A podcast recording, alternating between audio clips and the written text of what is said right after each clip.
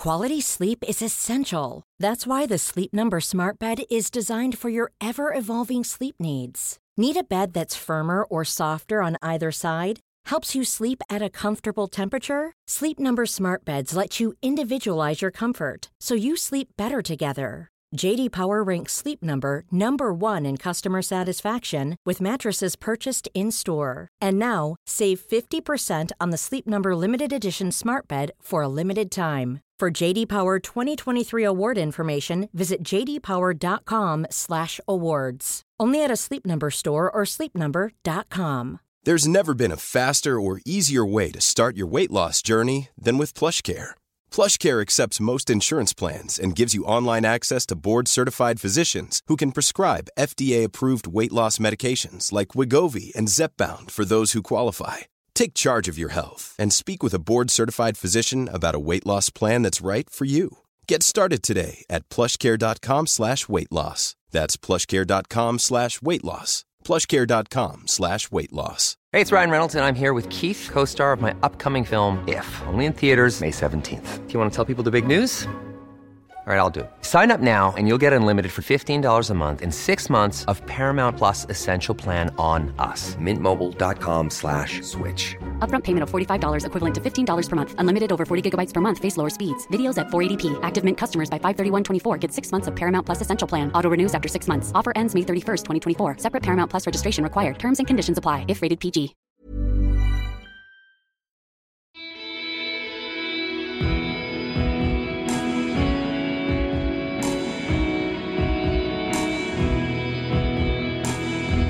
Hei og velkommen til en ny episode av podkasten som kalles Kaptare. Om du er ny eller gammel lytter, i dag skal vi snakke om kun løping, for det meste, da. Det går mot vinter. Det føles ikke sånn ute akkurat nå, for det er rimelig mildt og rimelig høstete. Eh, Med mye nedbør og eh, vått og slik. Eh, Jeg syns det er helt ålreit. Så lenge det ikke er kaldt, så trives jeg. Når det begynner å bli kaldt, som det snart ubønnhørlig gjør, da blir det litt tøffere å løpe ute. Terskelen blir eh, litt lenger fra stua og ut. Eh, Man må kle seg mer. Man kan eh, finne på å enten kle seg litt for mye, sånn at man blir svett og våt underveis, eller man kan finne på å kle seg litt for tynt, kanskje, i forhold til vind og vær.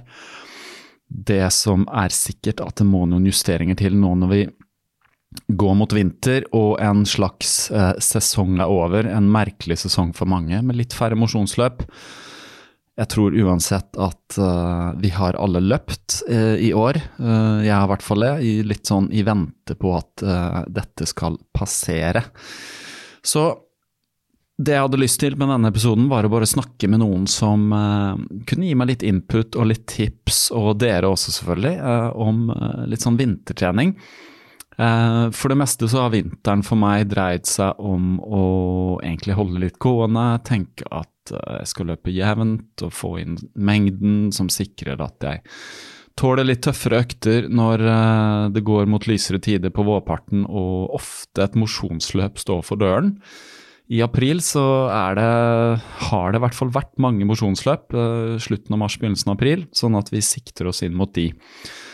Så i dag så har jeg fått med meg eh, to uh, som kan eh, svare på litt spørsmål rundt dette med vinterløping. Uh, først ut er Ingrid Kristiansen, som ikke trenger så veldig mye introduksjon. Ingrid har vært på podkasten her tidligere, jeg husker ikke farten akkurat uh, hvilken episode det var, men det var ganske tidlig i hvert fall.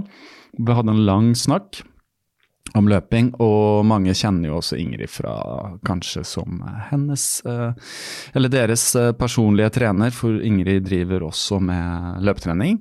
Personlig trening, og eh, kan veldig mye fra en lang, aktiv karriere, og har trent mange til gode resultater, mosjonister, som antagelig de fleste som hører på denne er.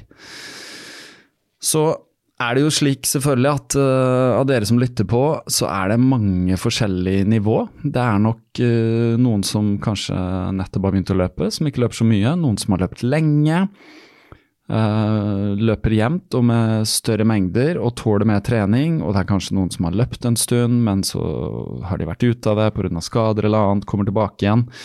Så det er jo selvfølgelig eh, ofte mange spørsmål som må stilles og mange svar, men jeg tror i løpet av episoden i dag så får man litt eh, inn som kan være nyttig å ta med seg nå. Prøve å tenke litt annerledes.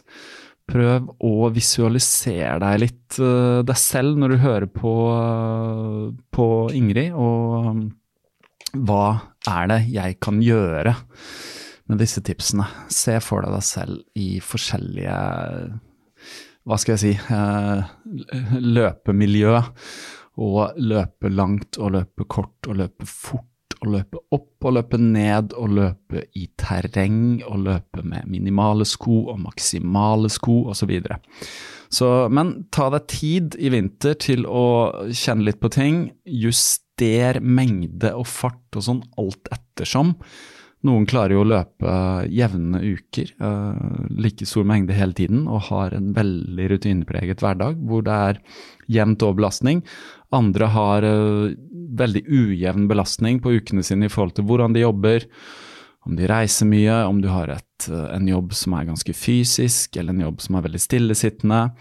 Så juster alt ettersom. Kjenn litt på ting. Også når du er ute og løper. Hvor ligger pusten? Hvordan er følelsen i kroppen? Hva skjer om du gir litt på? Hva skjer når du tar deg en pause? Og det, det må jeg bare si at det er lov å ta seg en pause innimellom. Det gjelder jo ikke bare på intervalldrag og slik, men uh, også når vi løper. Uh, jeg er kommet dit nå at jeg prøver å løpe hver dag, og får det til kanskje fem-seks ganger i uka nå, og det er jeg fornøyd med. Men jeg, en, jeg står over en dag når jeg kjenner at det trengs, eh, det trengs innimellom. Så er det jo dette med vaner òg, da. Eh, det er viktig å legge seg til gode vaner. Eh, alt som handler om søvn og spising og løping er også en vane. Det er det. Så jo oftere vi gjør det, jo lettere blir det å gjøre det. Det merker i hvert fall jeg, at jeg klarer å, å holde det gående jevnt og trutt. Misser aldri en uke, egentlig, hvis ikke det er noe helt spesielt. Så eh, først ut i dag er Ingrid Kristiansen, og så skal vi få Andreas Gossner, eh, som driver eh, også med løpetrening og har mye erfaring eh, med trening mot mosjonsløp og har mye gode resultater. Men eh, først og fremst, eh, nå er det Ingrid, og så tar vi en liten prat før Andreas. Hvordan går det med treninga di, da? Du, vet du hva, det har egentlig gått gått, uh, gått veldig bra. Uh, ja. Har du fått sprunget noe løp, da? I år så har jeg sprunget uh, veldig få løp. Ja. Men jeg sprang Skåbu fjellmaraton nå i, i, begynnelsen av oktober, i høstferien. Ah, ja. Så det var jo veldig gøy å få et maraton eh, som virkelig hadde Men det var jo tungt? Ja, det var tøft. Det, var, eh, det er mye høydemeter og en del ja, terreng og sånn, så, men det gikk bra. Det, jeg gjorde det bra i min klasse, og, og, og sto løpet egentlig veldig bra ut. Det er en sånn lang oppoverbakke på slutten der som er en skikkelig prøve. Prøvelse. Så jeg, eh, jeg gjorde det bra opp til han og hadde på en måte krefter igjen. Så, men det tok meg jo litt over fire timer, da. Mot, uh, jo, jo. Mot, men det er jo ja, ja. Det lang tid, det, ja. ja. Det er lenge å være på beina. Det er lengste jeg har hatt. Jeg løp jo maraton i fjor i i Malaga uh, i desember, ja. og da, ja. da løp jeg mitt beste maraton på rett under 3.30, så det er jo det jeg har inne, liksom, nå, med den ja, treningen som jeg Nei da, det er helt greit for en som meg som løper sånn på det meste 60-70, rett opp under 80 i uka. Ja. Så det Så um, Men ellers så har det ikke vært jeg skulle løpt ecotrail både i Oslo og Stockholm, og det ble jo ikke noe. Eller bare sånn virtuell løp, da. Det blir ikke helt det samme. Så... Det blir ikke det samme. Det blir ikke det samme. Nei, det blir ikke det samme også. Det skulle... eneste ja. løpet man får løpt hjemme nå, det er jo liksom perseløpet og ja. Og sånne løp, da. Og, ja. og, det kommer vel for å bli, det, tenker jeg. Det tror jeg kommer for å bli. Uh, du ser jo det at de stadig har sånn både ti og halv og hel. Ja, de får i hvert fall arrangert, pga. at det ikke er flere med enn at det, at det er lov. Ja, det er lov, ikke sant? Du starter puller. Nå, nå, vet jeg ikke om det har blitt en, strengere enn nå etter liksom jo, det siste. Jo, mulig det er strengere nå det siste ja. døgnet, men i helga var det i hvert fall det var 45 stykker som var med. Ja. Ja. Det er jo en del. Men sp spørsmålet eh, litt mitt nå uh, ja. er jo hvordan Altså, hvis vi krysser fingrene og håper at ting er greit til våren, og løp går som vanlig Jeg var påmeldt Fredrikstad hall uh, i år, som ble utsatt til neste år, så det er jo liksom målet igjen da i slutten av mars. Og ja. så var jeg påmeldt sentrumsløpet, som vel er også utsatt til neste år. Så en del er kanskje i min situasjon sånn. Nå er liksom sesongen over, og så ser vi fram til våren og håper at alt går som uh, vi ønsker. Og uansett så finner man jo litt måter å gjøre det på nå med å starte 20 og 20 puljer eller et eller annet sånt. Så. Ja, vet du, det, jeg tror at jeg kommer til å finne litt andre Jeg tror det, kanskje det er over og ut for en stund med sånne kjempearrangementer. Ja. Altså sånn 15 000 som springer Oslo Maraton og sånn. Det ser ut som det kan bli en stund til vi får. Ja. Dessverre. Dessverre. Det tror jeg òg. Ja. ja. ja. Men vi, alle som løper, og som er på sånn passe nivå, får jo bare håpe at det blir arrangementer som er tilpassa den enkelte. Ja. Og så hvis du så nå på perseløpet på maraton for en tre ukers tid, fire ukers tid siden, mm. så var det jo 130 mann som var under tre timer. Under tre timer. Og det, og det må du si er bra. Ja, det er veldig bra. Altså, er, men altså, jeg snakka med et par stykker av de som var med der, og de sa at det som var det fine med det løpet i forhold til f.eks. For å være med på Berlin Marathon, da, eller New York, det ja. var at du kunne dra til start, og det var ikke så veldig mange der. Nei. Og så ble du satt i en pulje med folk som var like gode som deg. Mm. Så man hadde hele tiden de samme å springe sammen med, og dem var få. Ja, så dem syntes det var egentlig veldig bra. Mm. Jeg tror, ja. Når du snakker om de tidene Jeg kjenner også en uh, som løp uh, sub tre timer, 2,55. Ja, ja akkurat. Så uh, han skulle vel egentlig også løpt Berlin så mange ja, løper, ikke sant? Så, ja, ja. så, selv om opplevelsen ikke er den samme, så Det er ikke måte... den samme opplevelsen, men får i hvert fall godkjent en tid. Du får godkjent tid. Ja, Hadde du noen uh, som du har trent som løp der, eller?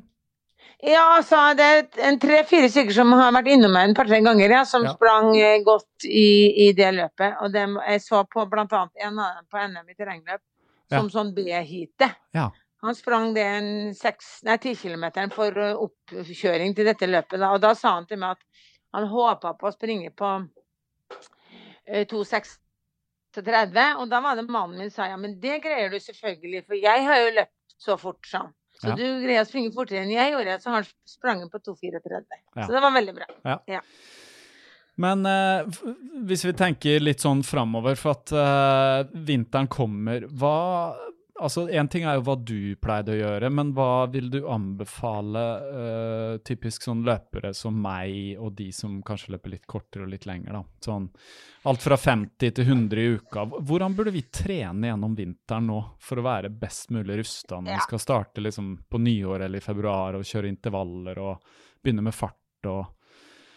Ja, den, den, den erfaringa som jeg har med de løperne som jeg har holdt med i år, i hvert fall på på for så vidt nesten alle nivåer, ja. det er at eh, Og, og det, ble jo, det, ble jo, stengt ned, så det var liksom ikke så mange konkurranser vi så fram mot. Det var liksom ikke så mange. Nei. Så vi kjørte Jeg kjørte ned kvalitetstreninga. Altså ikke så mye veldig tøffe intervaller. Mm. Men jeg sprang veldig mye distansetrening. Alt fra 5 km til 12 km i en fart som eh, er fire til seks slag under terskelpulsen. Mm -hmm. Og det, har, det gjorde faktisk eh, Hanne Maridal, og hun har aldri vært så god form som hun er, har vært i år. Mm. Sånn at eh, hun har ikke gjort noe sånn veldig spesifikt mot noe som helst eh, distanse, men hun har blitt kjempesterk til å løpe. Mm. Og det er det jeg tror at eh, veldig mange som i dag er alle så opptatt av å springe fort. Mm. Altså at man skal uh, være på Strava, og så ser man hvor fort man har løpt langturer. Det er så mange som springer flate langturer mm. uh, for å greie å springe stor, i stor fart. Men hvis de jeg anbefaler noe til, til, vinteren, som jeg jobber med, det er at Finn løyper som er litt opp og ned, litt i skogen, litt på sti, litt på grus. Eh, få inn eh, du, være, du, kan være ute alltid fra 1 12 til 2 12 time, kanskje enda lenger òg. Mm. Men ikke vær så opptatt av hvor langt du løper og hvor fort du løper, men rett og slett tida du løper. Mm. Og hvis du varierer med å springe litt på grus og litt på sti, og opp og litt ned, så får du automatisk styrketrening inn i langturen din. Og det mm. tror jeg alle har godt av, for det er ikke så veldig mange løpere som jeg kjenner og som holder på samtidig som meg, som er så veldig glad i renspikka styrketrening. Nei, som det... du må gjøre inne for deg sjøl. Ja. Det er litt kjedelig. Ja, det er kjedelig. Det gjelder meg ja. også. Uh, jeg har bestemt meg for å bli bedre på det. Uh, det trenger ikke være så komplekst, men uh, litt kjerneøvelser. Jo, jo. Altså å gjøre litt rygg og mave, mm. legger og hofteleddsbøyere. Ja. Det er vel trening, styrketrening som alle vi løpere trenger, egentlig. for hofteleddsbenet for å holde skrittlengden oppe, leggene mm. for å kunne sparke ifra. Mm. Og rygg og mage har vi alltid bruk for. Ja, det har vi. Det ja. gjelder jo særlig mot slutten av løpet når vi kjenner at det ja, røyner litt akkurat. på og sånn. Men ja. hofteleddsbøyere, hva er gode Nei, du kan jo da eh, Hofteleddsbøying, da kan du ta situps med feste for beina. Ja. Det er én øvelse, og så kan du ta noe som jeg kaller båten. Du sitter på rumpa, og så ror du med, tar du beina fremover, og armene du ro, sitter og ror uten at du har noe å ro med. Ja. Og Det blir også maveøvelse, da, men det er veldig god øvelse for hofteleddsbeina. Rett og slett for å holde I starten så føles beina så tunge, ja. for at du greier nesten ikke å holde dem oppe. Men etter hvert som man blir sterkere, så blir det bra. Mm. Og så har du jo da selvfølgelig den standarden hvor du kan henge i ribba og løfte beina. Ja. Men da må du ha en ribbevegg. Det må du. Men i ja. dag så finnes det jo, det ser jeg på løpeturene mine, jeg har en sånn runde, det finnes mange sånne parker med sånn De ja, kaller vel tufteparker. Ja. ja, ja. Jeg har jo lagt inn nå at jeg stopper der og gjør litt sånn pullups. Uh, ikke vanlig pullups, for jeg er ikke så sterk, men jeg, jeg, jeg legger inn sånn Australian pullups etter at du ligger og så har du en sånn parallell bar over deg, så du drar deg opp. Men, men mm. hælene er jo i bakken, så det blir ikke så tungt. Ja. Men det er tungt nok for deg som, altså for oss som ikke er så veldig godt trent. Ja, og så kan du si du trenger ikke å være så jækla sterk hvis du har en begrensa tid du kan bruke på trening. Mm. Så må man først analysere hva er det jeg trener mot, og hva er det jeg liker å trene. Mm. Og så må man legge det opp deretter, hva man har mest igjen for. Mm. Og hvis du har tenkt å springe f.eks. en halvmaraton eller kanskje maraton, så er det jo viktigst å løpe. Ja. styrketreninga kommer bare som en sånn liten biting mm. ved siden av. Mm. Ja, så det er jo det, det, er litt viktig å vite hva man egentlig trener mot, altså. Ja.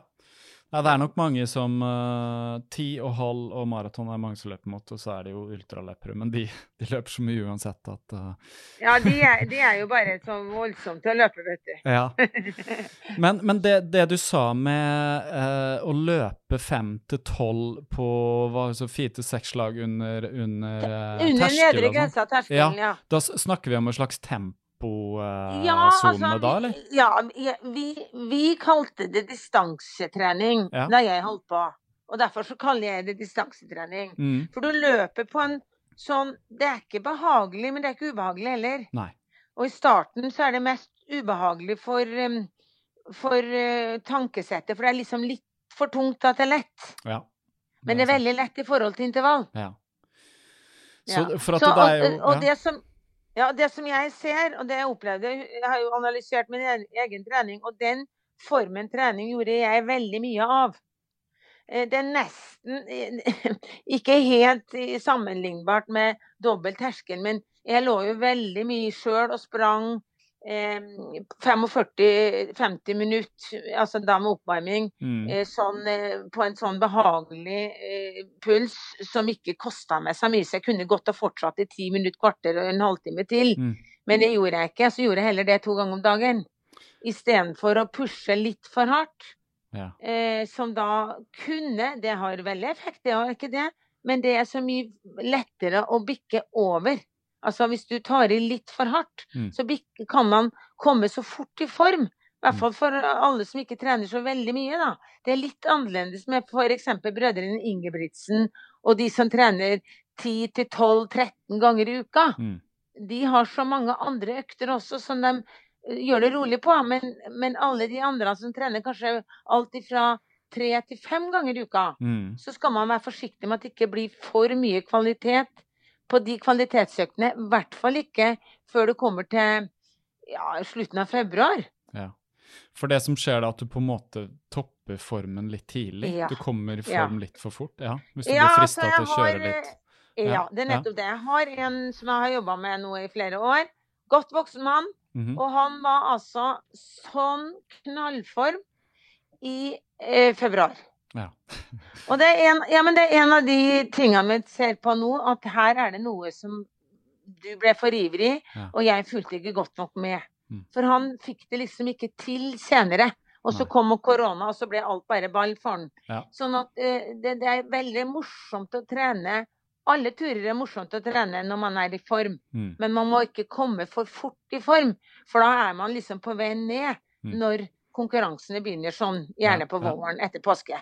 Rundt den tiden. Så det, så det, vi kan si nå ikke sant? Nå er vi snart midten av november, og så kommer desember. Det, det handler vel også om å bare komme seg ut der tre til fem dager i uka, og så løpe, de, ja. løpe en del rolig òg, da. Da snakker vi som ja, og ja. to. De enkle turene, og som du sier, med litt variasjon. Og så kan man legge inn én sånn tempo i uka, men burde man legge inn en intervall i tillegg, eller? Men ikke kjøre de så ja, hardt, altså, eller? De, de, som, de, som, jeg jobber med nå, som trener fem ganger eller mer, mm. de legger inn gjerne én distansetur. Mm. Den topp, so, sorten som fem-seks slag under terskelen. Mm. Og én form for intervall, hvor da intervalltida eh, sjelden eller aldri er mer enn 30 minutter. Ja, og da er, de mm. inklusert, mm. da er de inklusiv pausene. Men da kan da f.eks. være eh, fire ganger 2000 åtte, ni ganger Mellom syv og ni ganger 1000 meter. Ja. Eller eh, ti ganger tolv ganger tre minutter. Altså ti ja, ganger tre minutter. Sånne ting. Sånn og korte pauser hvor du jogger Altså, du skal ikke jogge så sakte, eller du skal på en måte holde litt sånn at du ikke springer draga for fort. Ja. Sånn, at, eh, sånn, at, man holder heller den intensiteten litt nede. Mm. Og, det er veldig om, vanskelig. Ja, det, er det. det er veldig vanskelig, fordi at hvis man er i en gruppe, ja. så er det liksom sånn Ja, men han bruker jeg greier å henge på. Han skal jeg ta. Sant, sånn. Og så, og så er det ikke lett, altså. Men hvis man er fornuftig til å gjøre sånne ting, så vil man få bedre resultat. Enten man vil eller ikke. Og det, det lærte jeg faktisk når jeg begynte på bulltreninga i Oslo. Og jeg var jo sammen med gutta i bull den gangen, og det var jo landets beste menn, da. Ja. Og så ble jeg satt i, i gruppe to eller tre. Eh, og, og, hadde lyst til å henge på. Og så var det Johan, da, eller jeg fant det ut sjøl etter hvert òg. Så sa nei, men du må ikke du henge på her. For nå syns jeg det ser ut som du tar i litt for hardt. Nå må du heller gå ned i gruppe tre. Du var i gruppe to, må gå ned i gruppe tre og springe sammen med de. Mm. Så blir det litt saktere. For da har vi litt å gå på når vi kommer tre-fire uker til fram i tid. Mm. For det er da vi skal springe fort, ikke nå. Mm. Men det er så fristende, for man greier det jo. Man greier det jo. Men det er bare det at det ofte går utover den treninga man skal gjøre senere i uka. Man greier den intervallen, men hva skjer med da den rolige turen to dager etterpå? Eller hva skjer videre? Greier man å gjennomføre det? Mm. Så må man liksom eh, være litt nøye med å, å, føle på sin egen kropp. Og noen tåler det, noen tåler det ikke. Mm. Og da er jo min filosofi at det er bedre å være konservativ og ta i litt for lite, mm. enn å være litt for mye på hogget og ta i litt for mye. Ja. Det snakker vi om litt om sist. Skal ikke stå der og henge på knærne etter nei, et drag. Å nei, du skal ikke henge på knærne etter drag.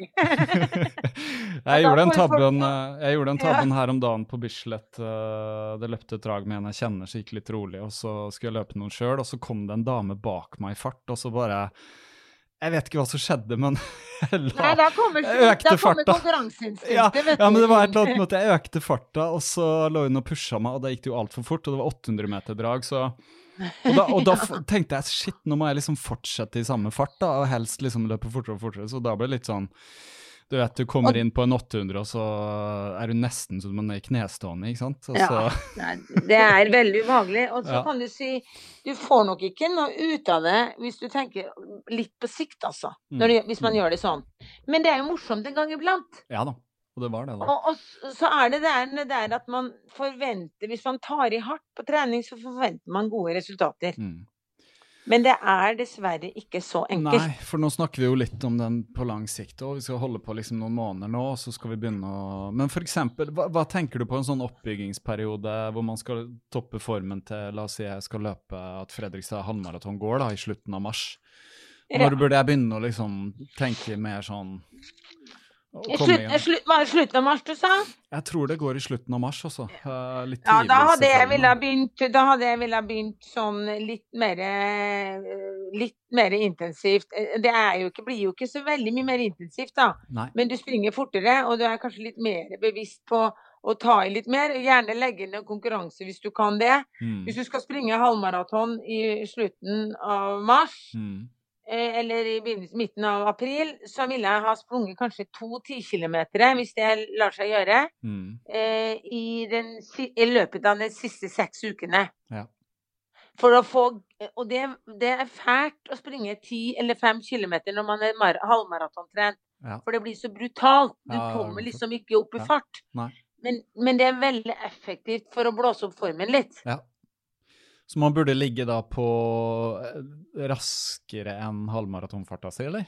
På de ti? Eller hvis du løper en ti? Når du skal springe ti kilometer ja. konkurranse, så er det springer du ja, alt du klarer. Alt ja, og da er det ikke snakk om ikke puls eller noen ting. Springer du ti kilometer da så fort du kan, så vet du omtrent hvor landet ligger, hvor mm. god du er. Mm. Men så kan du si 10, hvis du er halvmaratontrent og springer ti kilometer når du ikke har liksom vært så fokus på 10 km, mm. så vil det føles veldig ubehagelig. Mm. For det blir liksom sånn litt fortere enn det du vanligvis gjør. Men ja. det er en veldig god trening før et, et, et halvmaratonløp. Og for så vidt et helmaraton òg. Ja. Jeg sprang sjøl, men nesten alltid noen kortere konkurranser. Til og med to korte konkurranser 14 dager før, eller en uke før jeg skulle springe maraton, f.eks. Mm. Da kunne jeg springe NM på to km, NM på seks km på samme dag. Mm. Og så jogga jeg mellom, så det ble egentlig en langtur med to ganske tøffe drag. Men langturen ja. var jo ikke lenger enn eh, en og en halv time da, så mm. var det lagt inn to, en to kilometer og seks kilometer i mm. konkurransefart i, i, det draget, eller i den økta. Så hvis vi går litt tilbake til eh, intervallene, da vi snakka om å løpe to, 2000 meter eller en 1000 meter eller sånn. Lengden mm. på draga, handler det litt om lengden på konkurransen? At det lønner seg å løpe med 2000 fire ganger to når du skal løpe halv og lenger, eller har det noe å si? Nei, jeg syns variasjon er faktisk noe av det viktigste. Så når mm. jeg trente mot maraton, så kunne veldig mange av mine drag være 200 meter òg, men det ble mange av dem. Ja. Altså 200 meter, eh, og så um, jogga vi kanskje ca. 200 meter, da. Og så jogga kanskje i 100. Mm. Eller flyt i 100, og så gjorde jeg det kanskje sånn at det ble i hvert fall 35 minutter. Mm. Og det er jo da Får du litt overfart, vet du. Mm. I stedet, også den 100-meteren, det er ikke rolig jogg, men det er liksom flyt. Ja. Sånn at det blir egentlig ganske bra, veldig bra trening istedenfor å springe bare sånne lange drag, for da mm. får du ikke noe da, da, blir det så tungt at du ikke får noe som helst fart på det. Mm. Så du kan si det som er det fine med å ha overfart, mm. det er rett og slett at du trigger da litt annen muskulatur, mm. som du også har bruk for, som du ikke greier når du har lange drag. Mm. Fordi at det blir for langt. Ja. Så jeg syns faktisk, for meg i hvert fall, så passa det veldig godt med litt av hvert. For eksempel, jeg sprang ofte 300-metere, eh, gjerne en 6-7 300-metere. Med 100 meter jogg, hvis jeg gjorde det på bane eller gjorde det i, på en grusvei. Mm. Og så sprang jeg kanskje og så jogga jeg fem minutter. Mm. Og så sprang jeg kanskje fire til fem kilometer hurtig langtur. Mm. Og så jogga jeg fem minutter. Og så sprang jeg eh, kanskje fem-seks eh, eh, 300-metere eh, med 100 meter jogg til slutt. Og da fikk jeg kort, ja. lang, kort. Og ja. den økta varte ikke så veldig lenge, men den var innmari effektiv. Ja, ja. Jeg har prøvd meg på noe sånne på banen, som det kalles pyramideøkt. At du begynner med litt sånn korte drag. Ja. Og så løper jeg rolig halvparten av tiden jeg brukte på draget. Så det har vært sånn 400, 800, 1200, 1600, ja. og så ned igjen uh, 1200. Ja. Og det er jo Jeg hadde en sånn ute på banen på Bekkelaget eller utpå der, uh, hvor jeg klarte å øke progressivt òg, i forhold til de tidlige draga. Og da får du trent litt på det overfart, og det merka at der har ikke jeg kontroll som ikke er noe sånn typisk, men som er en halvmaraton-maratonløper. Så jeg merka jo at liksom hele mekanikken i kroppen, da. Og hvordan jeg skulle takle å løpe. liksom. Ja, det ble helt annerledes. Og det merker jeg at det er veldig bra trening for å takle fart. da. Gode steg, ja, altså, og liksom at jeg klarte å tenke på hvordan er overkroppen, hvordan beveger armene seg, altså stegen og hele det der. Som, for det krever så mye mer å løpe 400, for eksempel. Da. Ja, det er nettopp ja. det. Sånn at litt sånn, men, men, her igjen er det ingen det er ingen én vei som fører til rom, det er mange veier som fører til rom. Mm. Sånn at det er det der å finne hvis, hvis, du er en type som liker lange drag, jo vel, så er det sikkert det det beste mm. for deg, sånn psykisk. Men for å innimellom, for å få litt variasjon mm. Og jeg har tilhenger, tilhenger av variasjon, ikke mm. minst for at da blir det ikke så kjedelig. Eh, da, bli, da, da, får du faktisk øvd på noe som du ikke gjør så mye av. For man gjør jo ikke så mye av det fordi man liker det ikke, eller ja. Mm. Det er jo mange årsaker til det.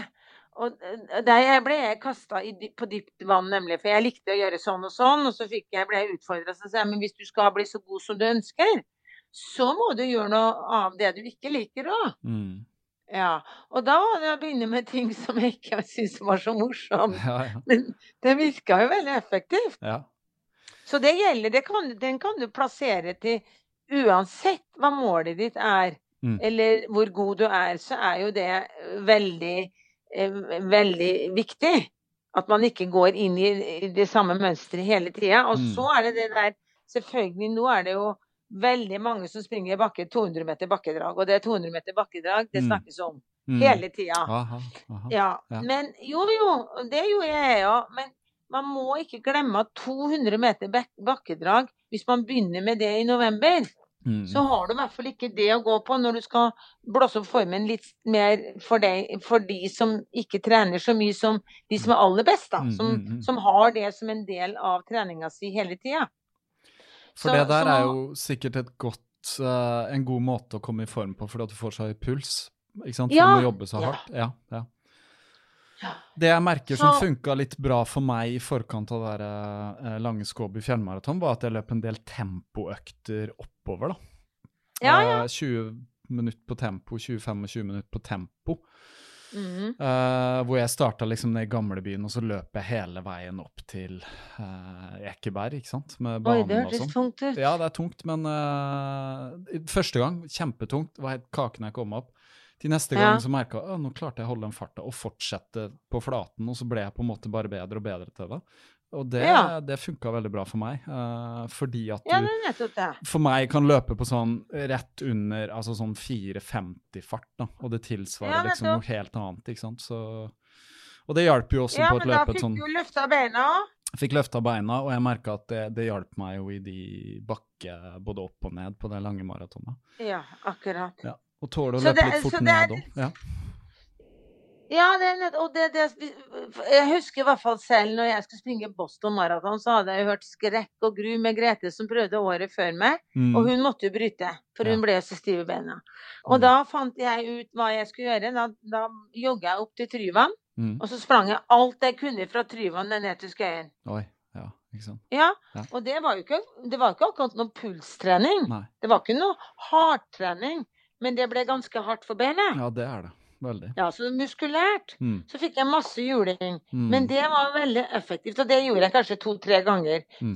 det siste halvåret før jeg sprang i, i Boston. Og da mm. merka jeg jo at jeg var godt rusta rent muskulært i beina. Ja, det så det er jo ikke bare puls og sånne ting, men at man det er jo tross alt beina som skal tåle den harde belastningen over så lang tid. Mm. Og for veldig mange mosjonister så er det ikke snakk om to timer og 20 minutter, det er snakk om tre og en halv og fire, fem ja, ja, timer. Ja, og da er man jo enda mer avhengig av å ha god muskulær eh, styrke. Ja. Da har du ikke farten Da spiller ikke noen rolle om du har sprunget draga på eh, fem blank, hvis du ikke skal springe fortere enn seks. Sant? Nei, det, det, er liksom noe med at da er det bedre å, hmm. å, å heller jul, få litt juling på den måten som da jeg valgte det. Det er jo akkurat det samme.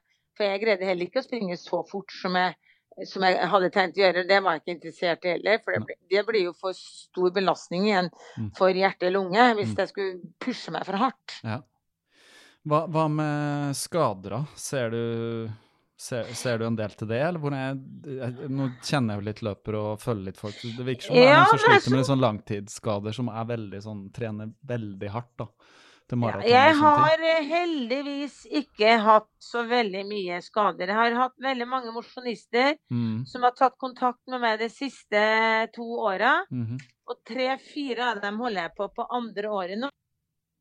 Og, og de er helt imponert over at de har greid seg nå i to år uten å få en eneste skade. Mm. Og de trener sånn, ja vel, sånn på ditt nivå, mm omtrent. Og mm. litt bedre. Mm. Og litt dårligere. Ja. Eh, fordi at de alltid sprang litt for fort før.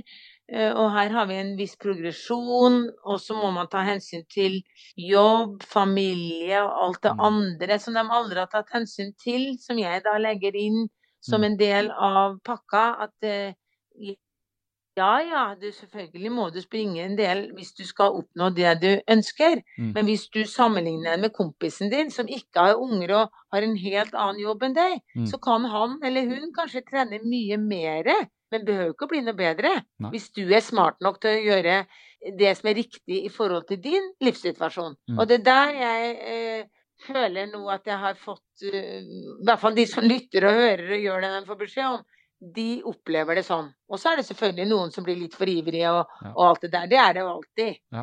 Men, men, men, akkurat den tilbakemeldingen har jeg fått fra mange av de fordi jeg har jobba med noen andre før, og de har sagt at ja, du må ha tre timer hver, eller du må springe tre mil hver helg mm. hvis du skal springe maraton. Så sier jeg det må du ikke. For hvis du gjør det, så kommer du til å, å, å stryke med i løpet av ganske kort tid. Da blir det skader. ja, ja, visst, jo, jo. ja. Nei, jeg ser jo det på Jeg blir imponert over folk jeg kjenner som løper uh, jevnt over mye, men ikke nødvendigvis mye langturer, men som gjør det bra på maraton likevel. Ja, Fordi nettopp. det har mye, mye volum totalt. Det har blitt vant til å tåle mye volum. Sånn daglig ja, kan, til jobb ja, og fra jobb. Og, ja, det er nettopp det. Og det er det derre volumet som om du, om du, har en veldig lang langtur, da, som du sliter med i tre dager etter langturen, mm.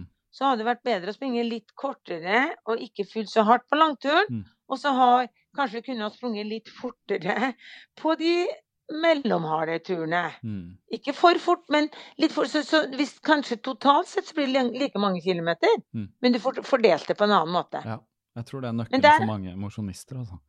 Ja, jeg tror ja. det. For der forferdelig lange langturen For det første, hvis du da har familie, så er det liksom ja, pappa eller mamma skal ut og springe i halve søndagen eller ja. hele søndagen. Eller om du står opp klokka fem for å liksom være ferdig til ca. til frokost, mm. så blir det veldig slitsomt uh, for den som skal drive og trene. Hvis man liksom hele tiden må, må få inn alt det lange uh, midt inni alt det andre. Så mm. det blir en stressfaktor som jeg tror kanskje kan virke mer negativt enn positivt. Ja. Men enkelte får det til og lykkes med det. Ja. Så det er det der igjen Ingen av oss er like. Nei. Nei, det er sant, det. Men ser du noe Kan eh, avslutte snart, nå har vi fått mye gode tips. Ja. Men har du, uh, ser du litt på teknikk, eller? På, når du har folk inne på mølla, er det, er det viktig her òg? Litt sånn altså, Nei, altså vi, Kadens og sånn, liksom? Altså, nei, det ser jeg aldri nei, på. Nei. Kadens ser jeg aldri på, for jeg har aldri tenkt på kadens selv. Men jeg sier jo til folk, hvis de har Og det er veldig ofte damer, da. Mm Uh, unge jenter har ofte altfor lange skritt og for treg takt. Ja. Veldig ofte. Ja. Og de sliter jo ofte også med beinhinnebetennelser og ene mm. med det andre. Mm. Og så er de veldig opptatt av å springe på tærne, og det er heller ikke bra hvis du ikke du er en tåløper. Så det jeg ser på, det er liksom se hvordan de løper på mølla, selvfølgelig. Og hvis vi da ikke løper for fort i forhold til dem, mm. så ser du at de har en veldig fin teknikk.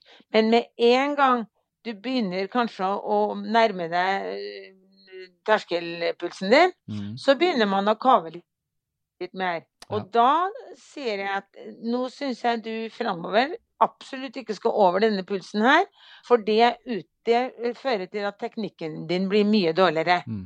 Og det har du ikke noe igjen for. Men hvis du nå trener under den pulsen, øh, så vil farten på den pulsen bli mye bedre etter hvert. Ikke sant? Og det tror de jo ikke på i starten. Mm. Men etter hvert så ser de jo det, at det funker. Det skjer. Og da får de en mye mer avslepet stil. Mm.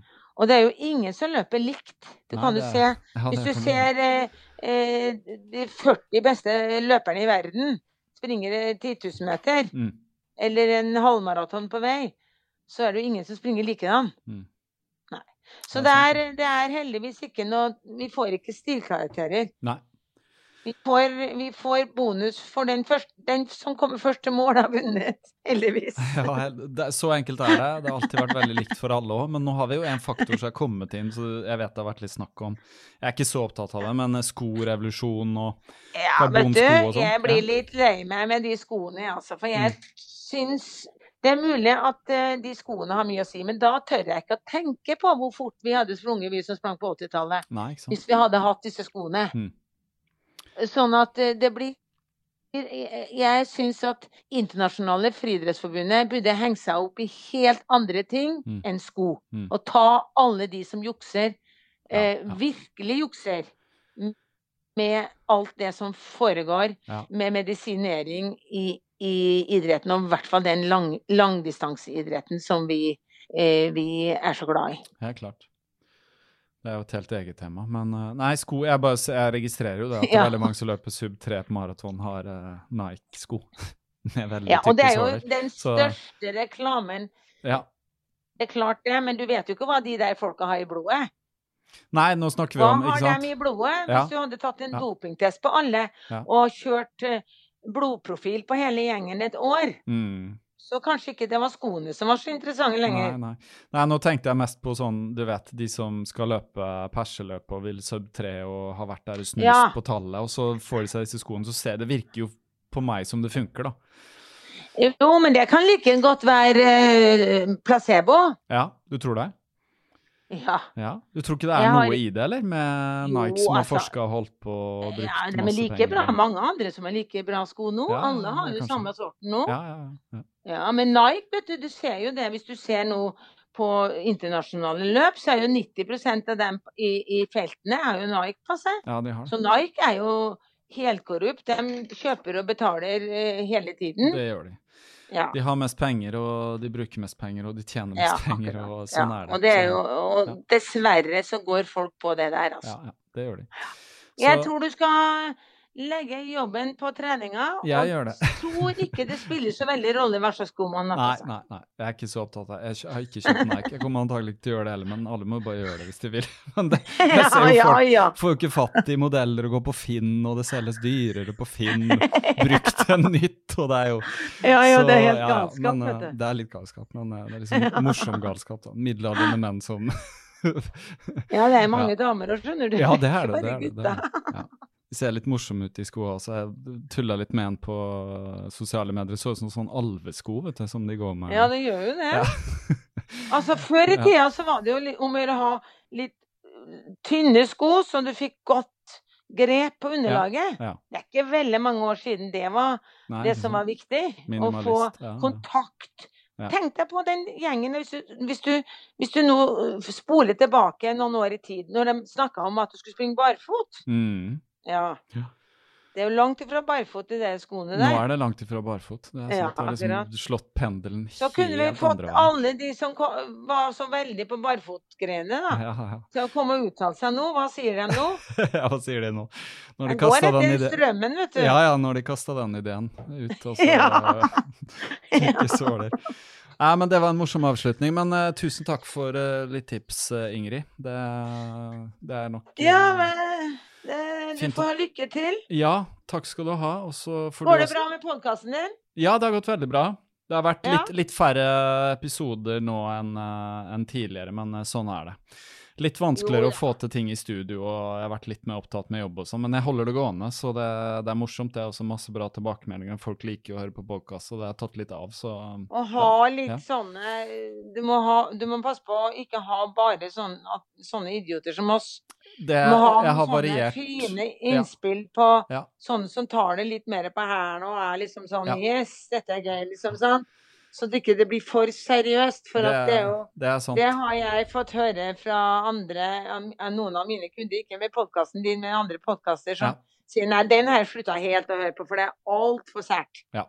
Hvis det sånn bare man, blir uh, terskel og terskel og, og, og langturer, så Ja, og, og, det blir bare sånne som intervjuer som uh, springer altfor fort, så de mm. greier ikke å relatere mm. seg til mm det blir ikke riktig i forhold til de som, du, som skal høre på. For det blir, det, det, du balanserer så langt over huet på dem. Ja, ja. Det er veldig vanskelig å leve opp til over, hvis du hele tiden setter standarden liksom der. Ja, det, der oppe. Det merker jeg jo sjøl òg. Nå, er jo du, ja. nå er jo du en sånn mosjonist og nybegynner, forholdsvis nybegynner selv. Ja, ja. Så da vet jo du hva du er interessert i, så må du heller holde deg der. Ja. Og, og, utvikle det ut ifra din egen standard. Eh, så ville jo det der gå veldig bra.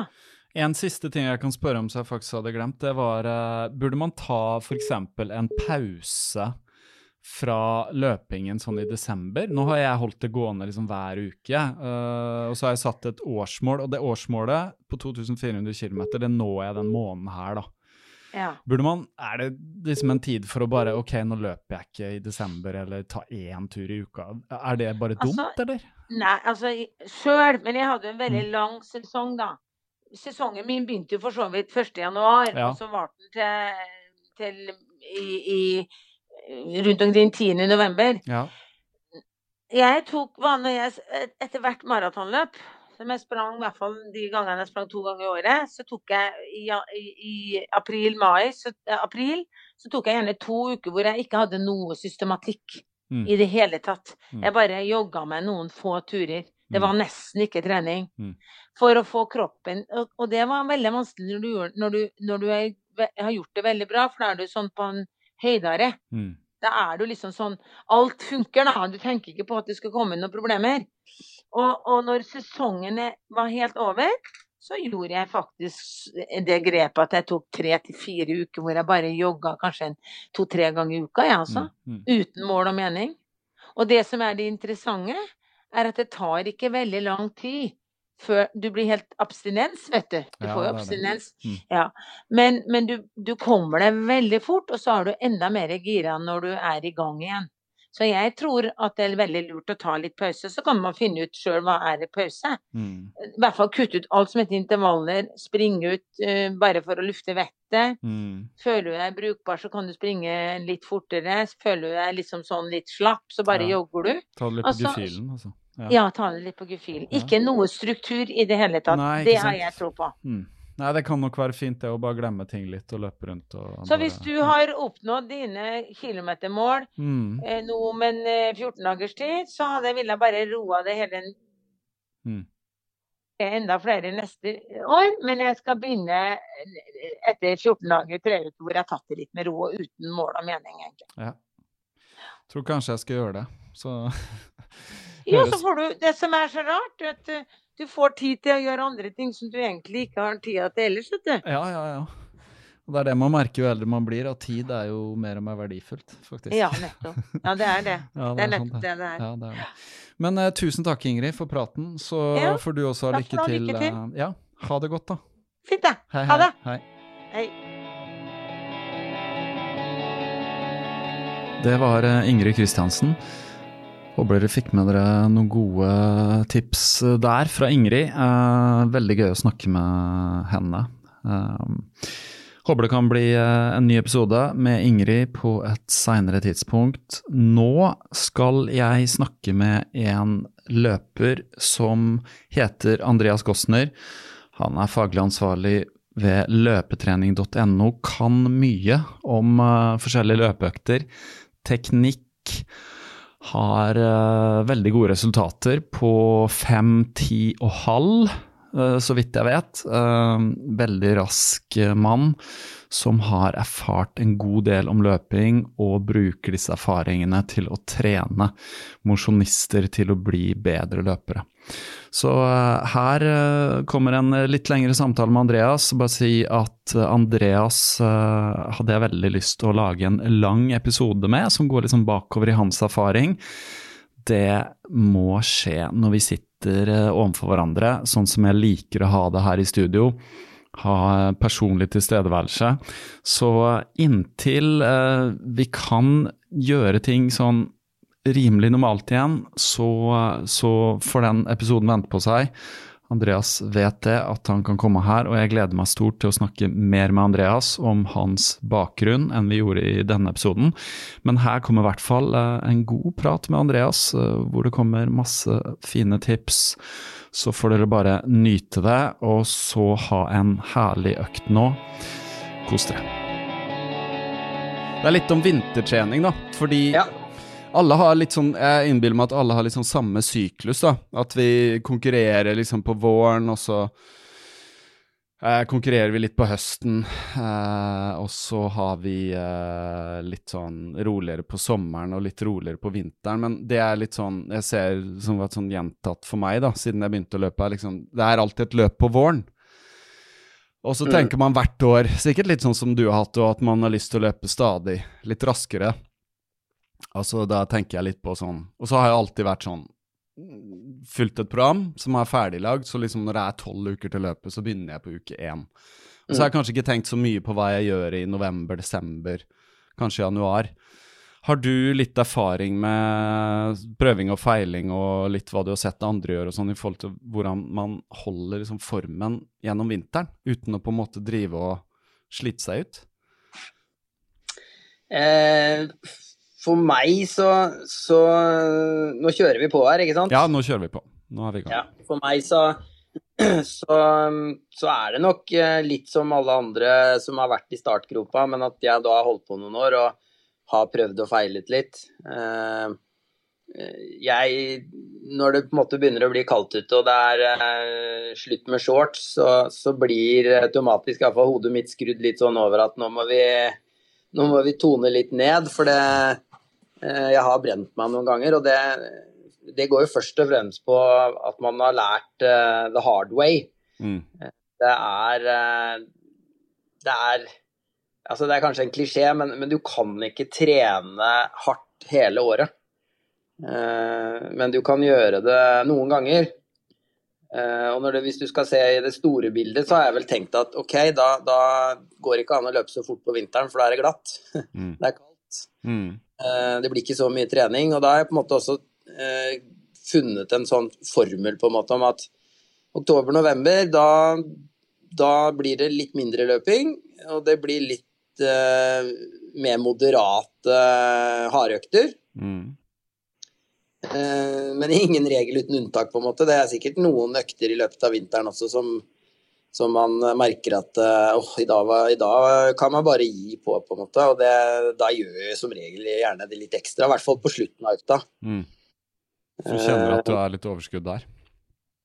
Ja, ja. litt betont bør det alltid være. Og øh, hva skal vi si vi Jeg er tilhenger av å følge en strukturert plan, men, men bare til en viss grad. Uh, vi er jo mange millioner mennesker i Norge, og mange av de løper. Mm. Det betyr at vi er forskjellige situasjoner, vi er forskjellige mennesker, egenskaper osv. Så, videre.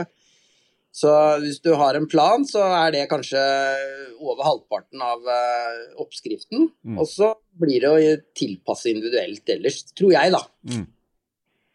Ja, for det er jo det som er litt interessant. Vi er jo individer, så når vi sitter og snakker om dette, så er det selvfølgelig ikke alt som funker for alle. Uh, det jeg tenker at de som er litt sånn rundt uh, Kanskje der hvor jeg er, oppover eller nedover, da. Altså hvis du løper sånn Jeg som løper alt fra 50 til 80 i uka, da. Altså det liksom sjelden under 50.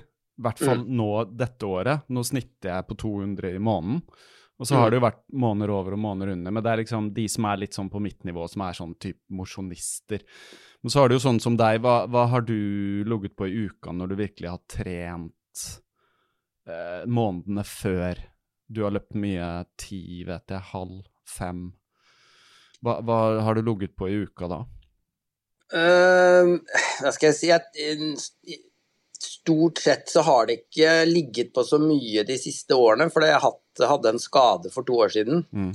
Som gjorde at jeg måtte ta mer Hva skal jeg si uh, Ta et skritt tilbake og finne ut av litt uh, hvordan hvordan kan vi sy sammen uh, bra med løping, hyppige økter, men men hvor er det på en måte jeg uh, gjorde at jeg ble skada. Så per i dag så, så, har jeg vel en uh, rundt der du er, kanskje. Sånn, sånn mellom 80 og 100 et sted. Mm. tidligere så lå jeg nok nærmere ja, rundt 140 kan jeg tenke meg. 130 til 140. Mm. Men da var det også mer fokus på å løpe lenger. Mm. Sånn at da var jo øh, Det var litt, eh, litt lengre langturer, og så, så, så, kan man alltids lure litt på når er det kroppen sier ifra, men på et eller annet tidspunkt så gjør den det. Mm. Eh, både pga. belastning, eh, alder, men også pga. kanskje søvn, stress, mm. kosthold, mm. resten av livet, da. Mm. Da har i hvert fall jeg funnet ut nå de siste to årene ved å gjøre noen små endringer. At eh, vår og sommer, da kan vi dra på litt, både litt lenger og, og litt raskere. Mens eh, når det er kaldt og, og surt og, og vinteren, da, mm. så, så, tar jeg på en måte et skritt tilbake og løper litt eh, roligere, litt kortere. Eh, men ikke nødvendigvis sjeldnere. Eh, den har jeg veldig tro på. Jeg tror veldig på at du bør løpe eh, Jeg prøver å løpe hver dag. Ja. Kanskje jeg har, én dag i 14. dag da jeg på en måte da jeg ikke rekker det, og da enten så tar jeg og går en tur, eller så, eller så løper jeg ti minutter et kvarter. Men mm. jeg tror veldig på den der å, å løpe sakte, ikke så langt, men veldig ofte. Mm. Opprettholde den, uh, det steget ditt og, si, den slamringa med beina, og, sånn at måte kroppen er klar over eh, hva, hva, den bør, hvilket nivå den bør ligge på av belastning. da. Mm. Så, og Det er jo det jeg tenker litt på vinteren. Eh, vi har en utfordring i Norge.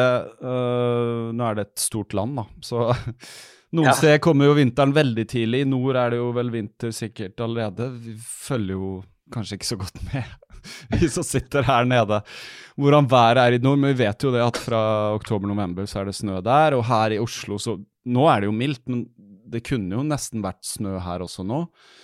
Eh, vi har jo et problem i Oslo, det er det forbaskede holka, da.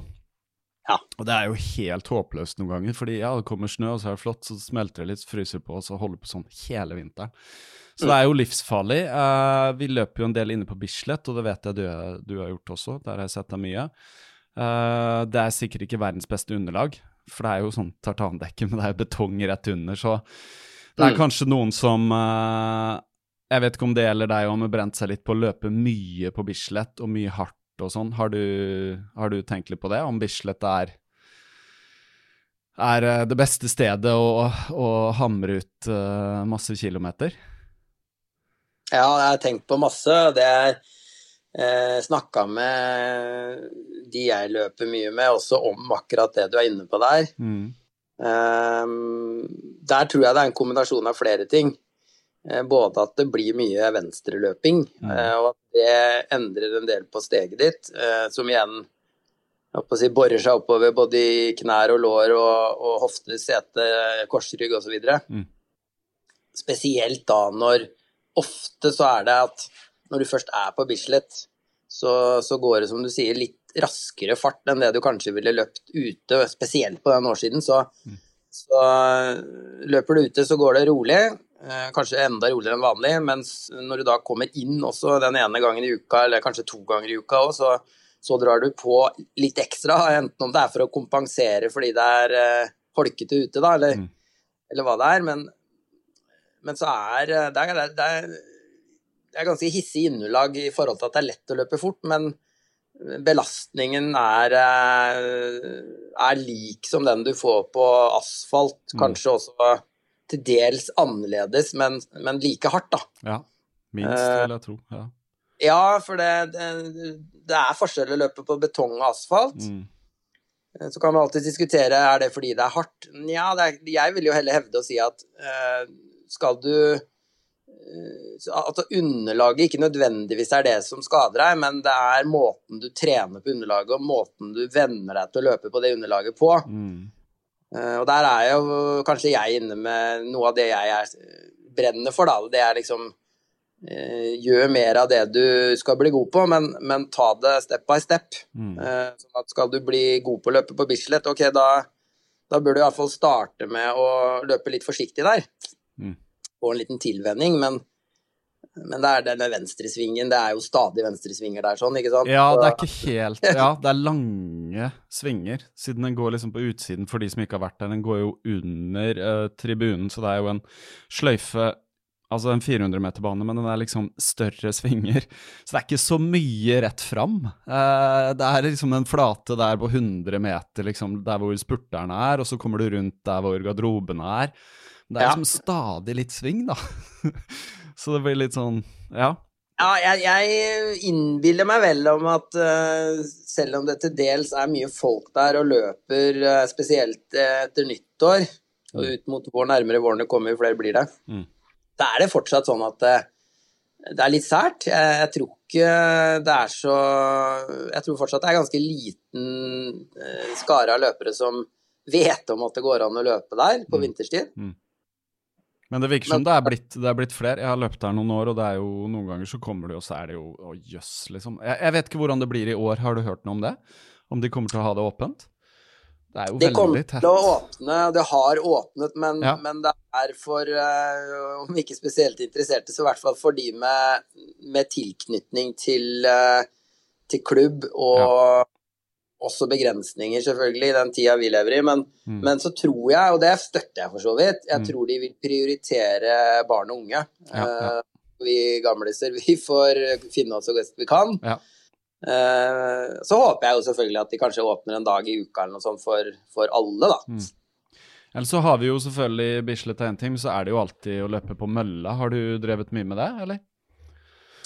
Eh, der er det vært eh, lite de siste årene. Jeg hadde møllen for en uh, hjemme her sånn for kanskje en eh, seks-sju år siden. Mm. Jeg hadde det to, to vintersesonger, og så ja liker jeg å løpe ute, så stort sett så skal det være veldig dårlig vær, dårlig vær før jeg ikke løper ute. Mm.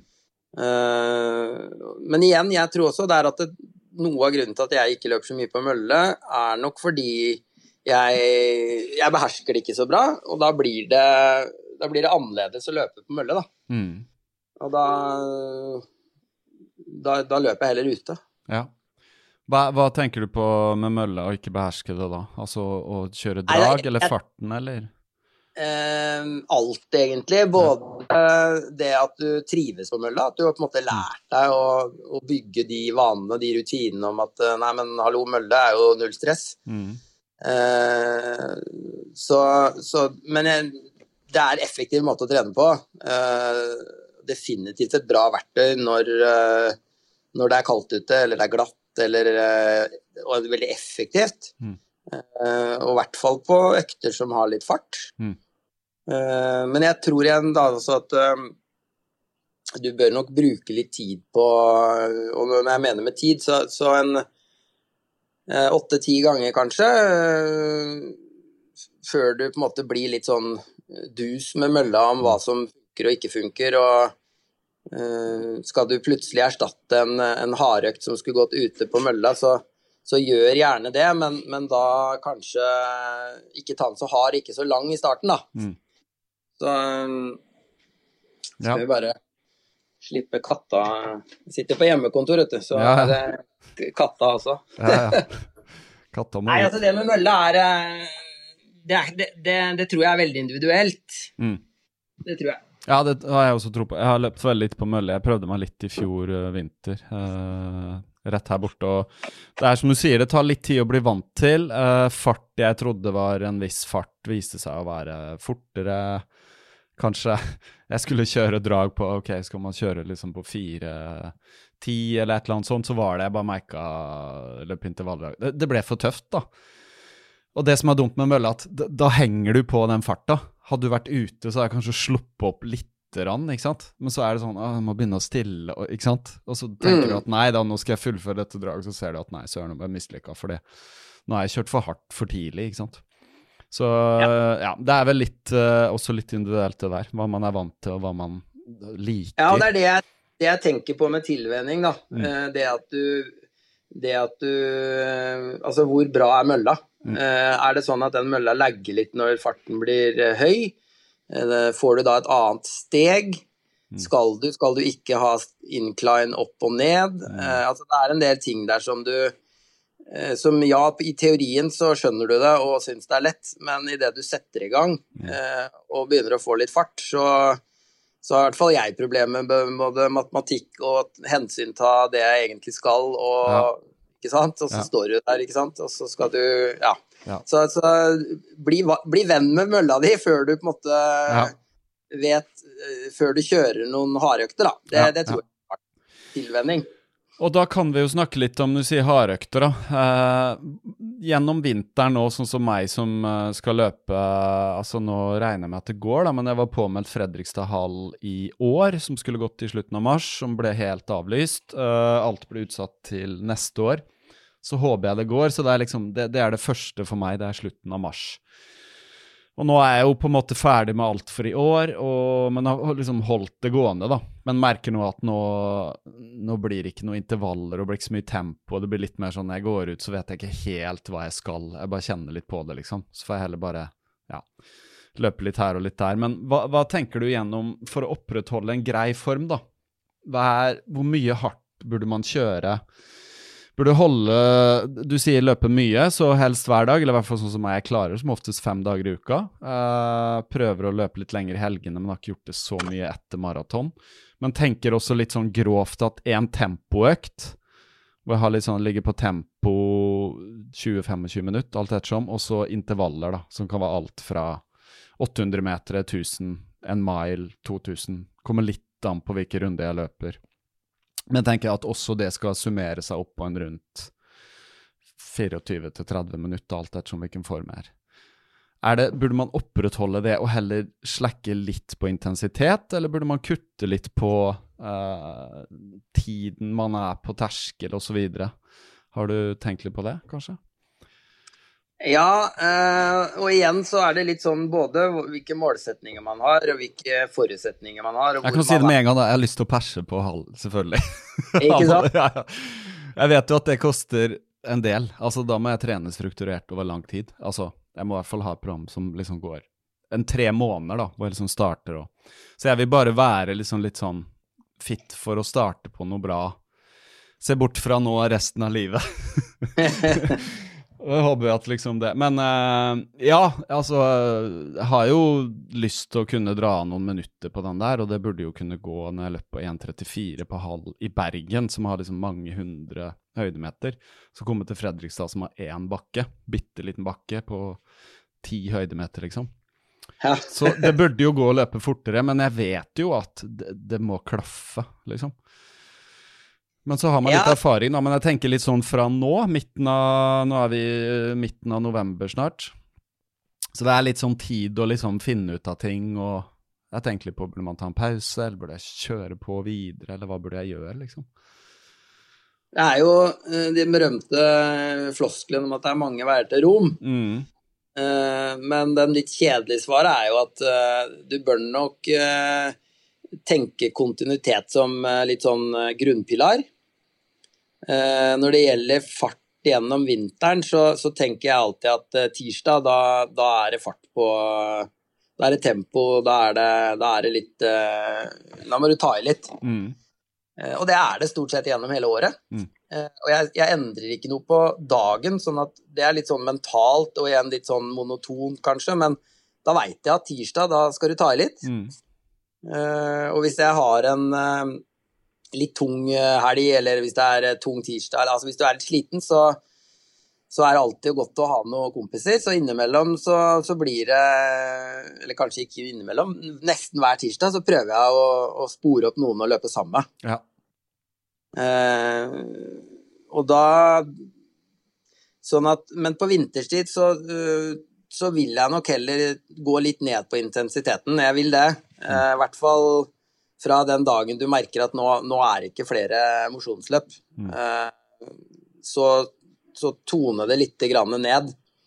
Eh, da, og, da, og, så tenker jeg at vinterstid, da er det bedre å løpe lengre intervaller eh, eller en tempoøkt mm. enn å løpe disse korte 400-meterne, 300-meterne, 200 og, eller ja, 45 Hvor du får over, overfart, ja. ja. ja. Jeg tror ikke Det har ikke jeg noe tro på, da. For jeg, jeg tror veldig på det å, det å ikke tyne de siste 10% av det du er god for gjennom vinteren, fordi da bygger du på en måte kroppen litt mer robust. da. Mm. Og da har, du, da har, du, plutselig et bitte litt bedre grunnlag når du igjen begynner å pushe litt ute i februar, kanskje. Februar-mars. Mm.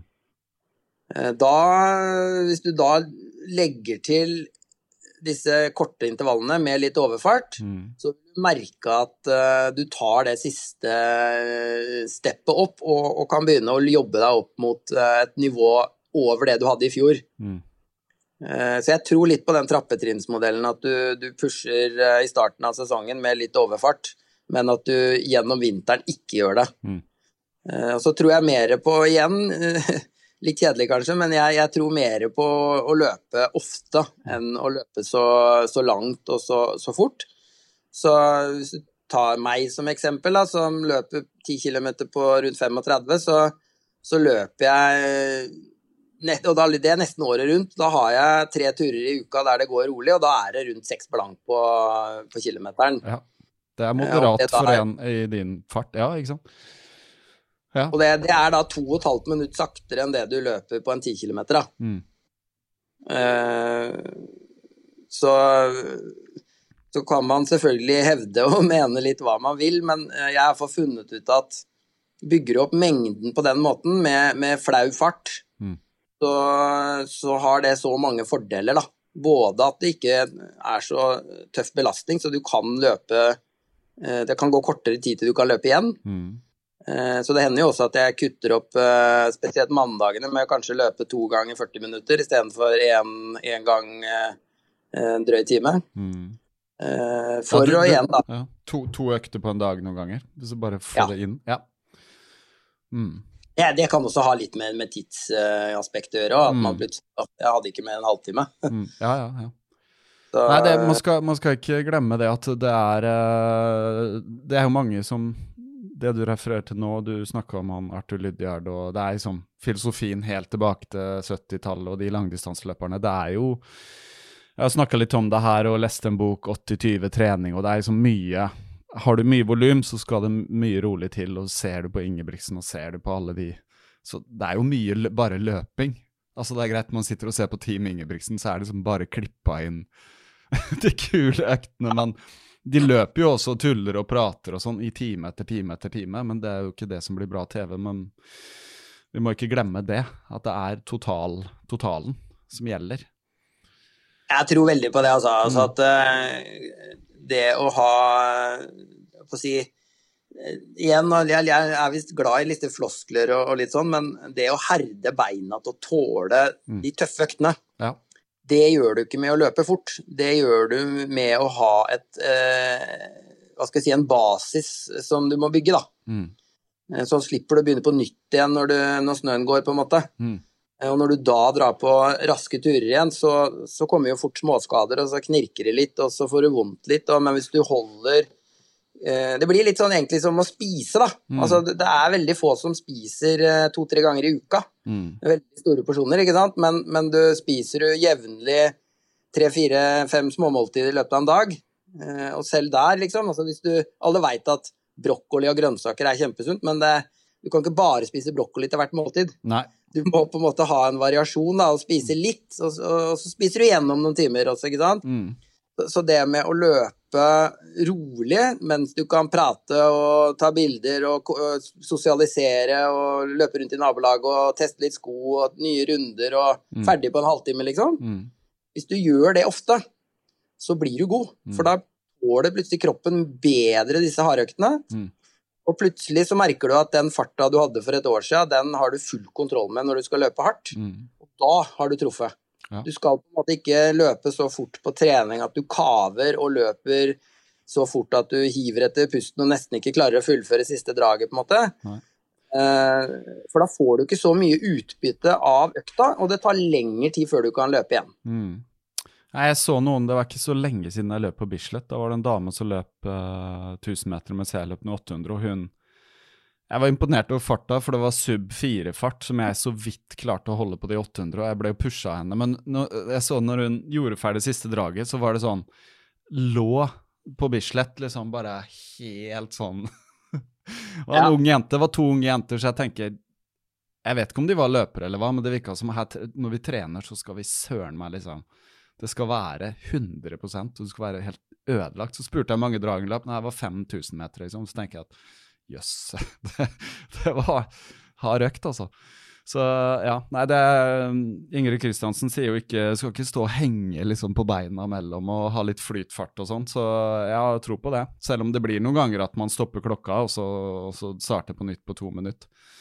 Men det er et eller annet med å stå og løpe ut, og så progressivt er vel også en floskel. At start moderat, for det kjenne litt på dagsformen kan jo variere òg.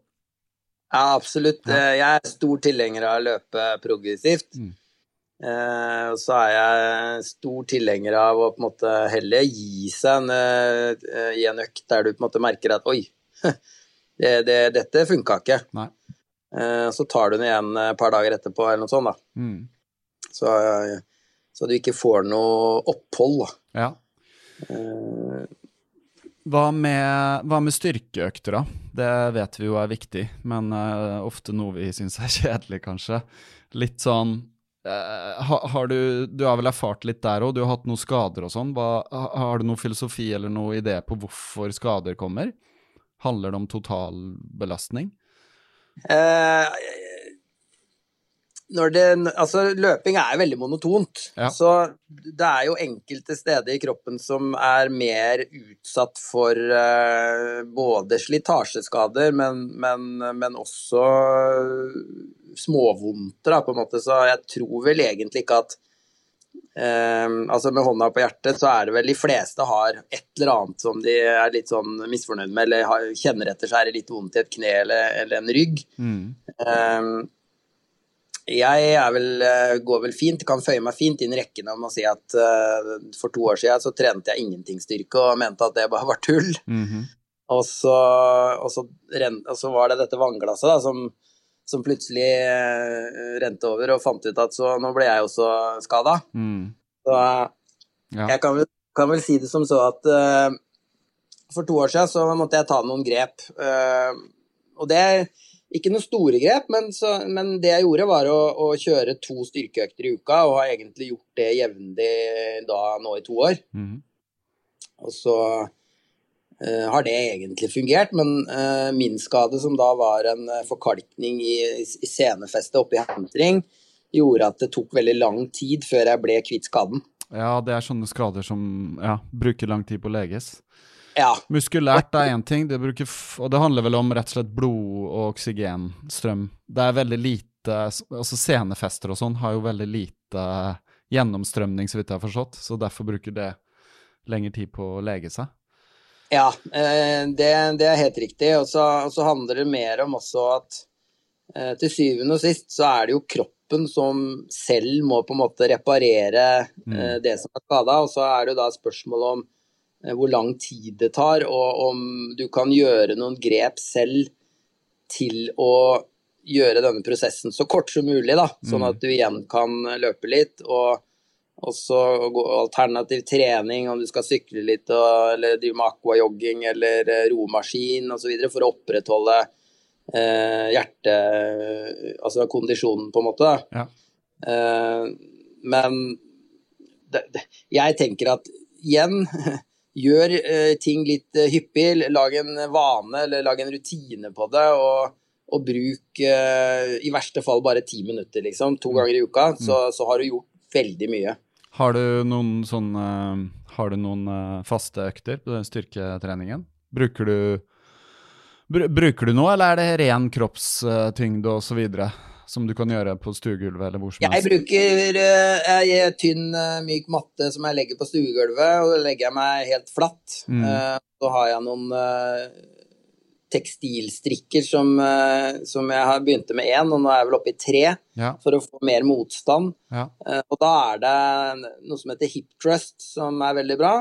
ved at du løfter opp rumpa og, og står med knærne 90 grader og tar knærne ut mens ja. du på en måte strammer setet og kniper litt der. Mm -hmm. og det gjør også at du kan gjøre forskjellige andre typer øvelser. Eh, rett og slett bare med stritt, da. Ja. Eh, både eksentrisk og, og at du, du, gjør det repeterende. Men at du også holder litt, kanskje, i ytterkantene. Mm. Så du får litt variasjon. Men det styrker jo da både sete, hamstring og ja, de vitale muskelgruppene der du får mye belastning. Ja. Eh, og så legger jeg til en uh, liten sånn stretchingøvelse som uh, jeg ikke helt husker hvem som tipsa meg om for noen år siden. Og det, det er at du på en måte uh, legger beinet litt sånn motsatt av en hekkeløper. da. Okay. Du strekker beinet frem, men så mm. har du en knekk i 90 grader, ja. og så har du beinet rett ut bak. Sånn at du på en måte får ordentlig strekt ut uh, sete og hamstring og, og, hofter og bekken og på å si alt. Mm. Så jeg tror også veldig på det med at du bør være ganske elastisk, sånn at ikke ting stivner. Mm. Det er lett for å stivne litt, uh, som du sier. Løpe mye monotont, i hvert fall når vi blir litt eldre, vi 40-åringene. som ja. faktisk er nærmere 50 enn 40 nå. et, et, annet godt tips på det med, med styrketrening er jo, er jo i hvert fall nå vinterstid, eh, før det blir for mye snø eventuelt, men det er jo å ta på seg en tung sekk. Mm. Og så går du ganske lang tur eh, på utsiden av stien, eller på en sti der det er kupert. Mm. Så går du så fort du kan. Eh, da får du virkelig eh, brukt både muskulaturen som skal løpes, men du, du belaster ikke så tungt. Mm.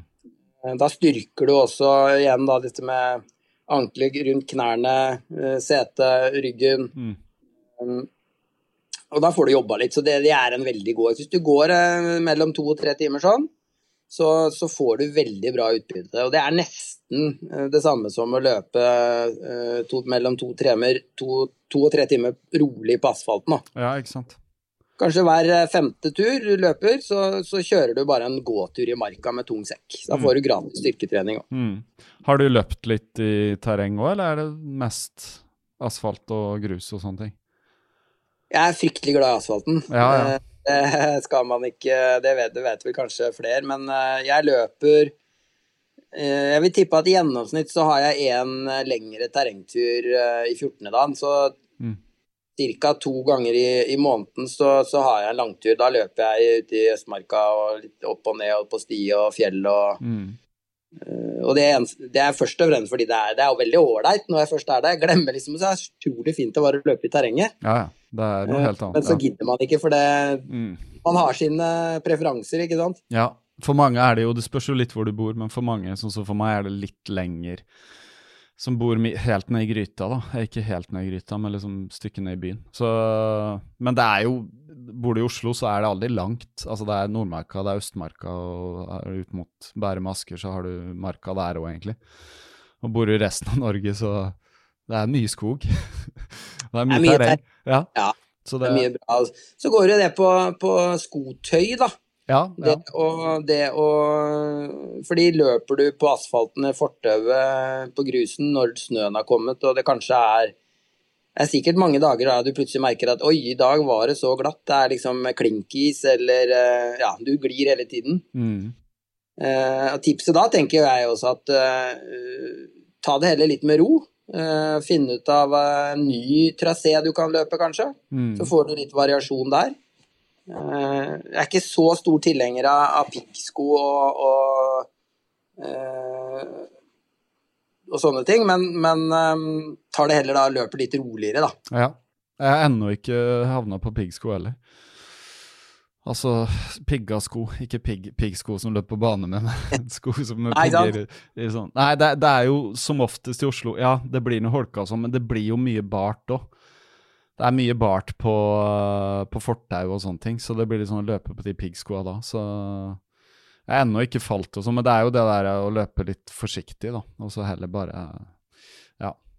Så vi, vi krysser fingra, eller egentlig hvert år krysser jeg fingra for at det ikke skal bli så mye holke, men det kommer jo uansett, siden det svinger så mye opp og ned over null, ikke sant, akkurat her. Men eh, nei, det er mye gode tips, det her, da. Så har du noe Har du noe løp framover, eller eh, neste år, som, uh, som, står på planen, eller? Eller er det litt sånn ja, åpent nå?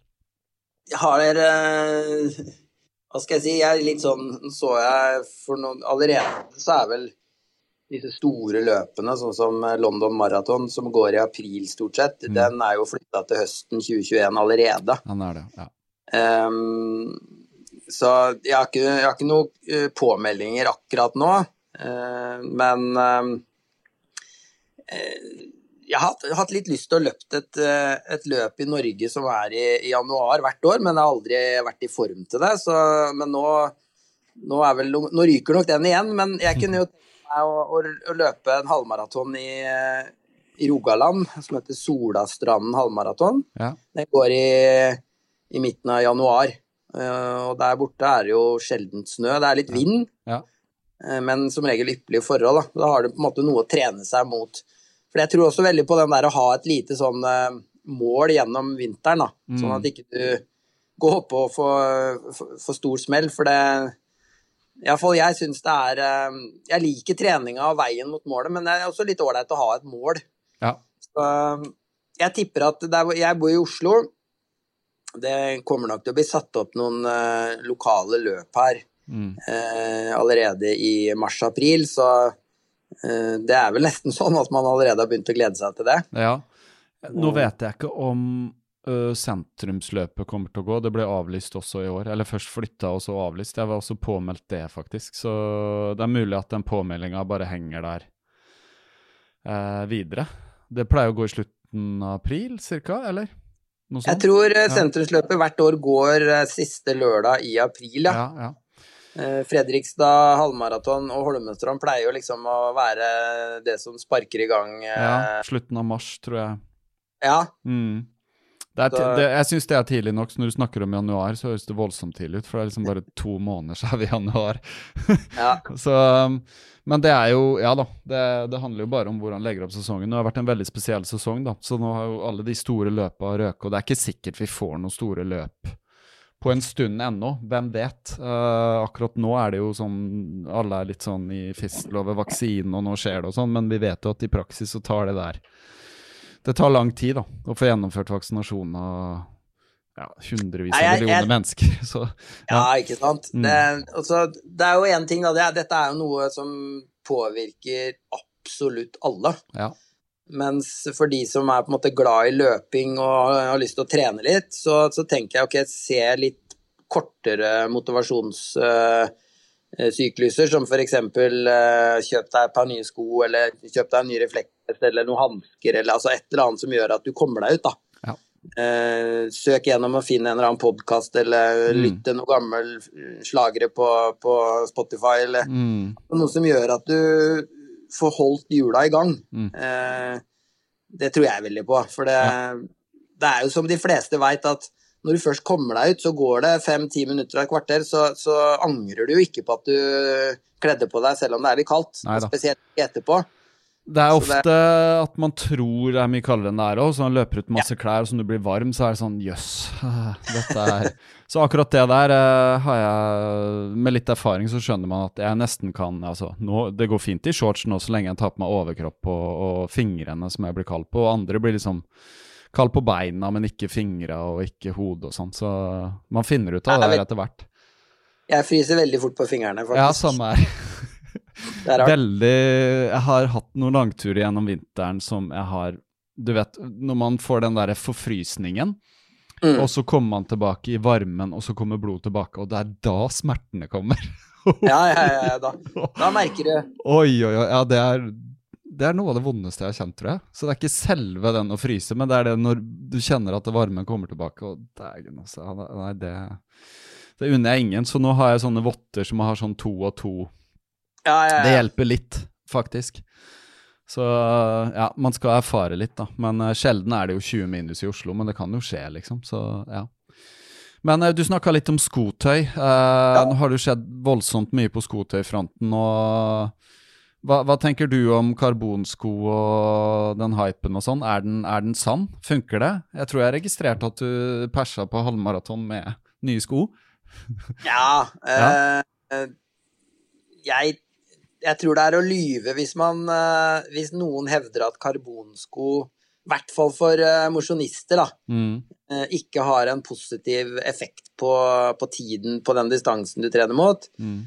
Det er jo en jeg skal si, det er, det er en kort og en lang historie rundt dette med sko, men, men det, hvis du går tilbake til 70-tallet og, og, og, enda før, når sko kom virkelig frem til i dag, så mm så har det jo liksom gått litt sånn i bølgedager. Det har tatt noen uh, store steg, og så har det vært litt rolig noen år. og det siste nå på en måte er jo da Nike Var det vel 2010, tror jeg? Da de så vidt starta med en prototype på, på 4, uh, Vaporfly 4 mm. Så fikk, fikk, fikk, noen løpe med den i, i, i uh, olympiske leker. Var det vel i Rio, tror jeg, første gang okay. den ble introdusert. Mm. Så, så, Nike har jo, har jo noen års forsprang. Uh, men nå har jo alle skomodeller stort sett en eller annen form for rask sko med karbon kombinert med et responsivt, mykt dempemateriale. Ja. Merker du forskjell, eller som har løpt en del? Og jeg vet at du, du sysler vel litt med sko profesjonelt òg, på løpelabbet. Stemmer det, eller? Ja, ja. det stemmer. Mm. Og Nei, hva skal jeg si? Man husker vel knapt de første skoene man, man hadde, men, eh, men, eh, jeg har vel hatt noen, noen hundre, ja, kanskje 100 sko eller noe sånt. Da. Mm. Um, jeg tror i, i er Litt sånn kjedelig svar, kanskje, men jeg tror veldig på det å variere også der, da. Mm. Uh, ta, uh, det koster jo sko ganske mye etter hvert, men, men, det å ha tre forskjellige par sko, det tror jeg på en måte er uh, mer gunstig enn å bare ha ett, da. Ja. Siden sko uansett blir en litt sånn forbruksvare. De blir jo utslitt etter hvert. Ja, ja. Uh, og så er det motivasjon i skoa. Kjøpe seg nye sko er morsomt, men, mm. men ha gjerne ett par som er uh, litt snertne og, raske, og ja, gjerne karbonsko. Det er morsomt å løpe med. For de litt hardere øktene og kanskje en konkurranse. Mm. Og det å ha en godt dempa, stabil sko med, som er myk og god, og som tar litt ekstra vare på beina. Mm. Kanskje litt tyngre. Mm. Eh, det tror jeg er veldig bra. Og, og, kanskje Jeg er også tilhenger av på en måte den litt sånn hva skal vi si, eh, om ikke barfotsko, men i hvert fall sko som har svært lite demping igjen, sånn at du, mm. du får herda på en måte beina litt der òg, da. Ja. Eh, jeg er litt tilhenger av Altså hvis du står på en krakk barbeint og, og hopper ned fra den krakken mm. På asfalten uh, uten sko på beina, så, så, lander du på ganske kattemykt. Mm. Men hvis du har på deg sko med veldig mye demping, så aner du ikke hvordan du lander. Uh, sånn at uh, ha et bevisst forhold til hvordan du setter ned foten, det, det tror jeg på. For det kan over tid ha innvirkning på belastning og teknikk og ja, i ja. det hele tatt. Ja. Nei, jeg, det, høres, det der høres klokt ut. Jeg er veldig enig i det, egentlig. Jeg har hatt mye, jeg har, Helt siden jeg begynte å løpe, så har jeg hatt veldig fokus på akkurat det der med teknikken med ja, Først og fremst steg, og jeg prøvde å finne et steg som funka og sånn. Så jeg har fokusert mm. litt mer på det i år igjen, for jeg merka at jeg begynte å bli slapp i steget, og det så jeg, for jeg filma meg selv løpe på bane. Så ja. så jeg på en måte Satt telefonen sånn at jeg filma hva jeg kom over mål, da, og så hadde jeg drag. ikke sant? Så så jeg på en måte at det steget der var litt dårlig. Altså, det var litt slapt, og jeg var ikke helt Jeg var litt bakpå, liksom. Altså, så jeg har hatt litt fokus i år på å bare komme litt frempå igjen, få opp liksom kadensen litt og sånn. Og det merker jeg at det har gjort meg ganske godt, uh, og jeg kjenner i leggene, da. Mm. Det er ikke snakk om å lande på forfot, eller noe sånt, men prøve å ha en naturlig steg at jeg lander litt mer under meg, som jeg hadde fokus på tidligere. Og jeg kjenner at leggene mine har jo Jeg kjenner leggmuskulaturen da, har utvikla seg. Så jeg har klart å løpe fortere. Nå har jeg ikke løpt noen sånn raske løp i år, men jeg har klart å i hvert fall løpe fortere på trening, da.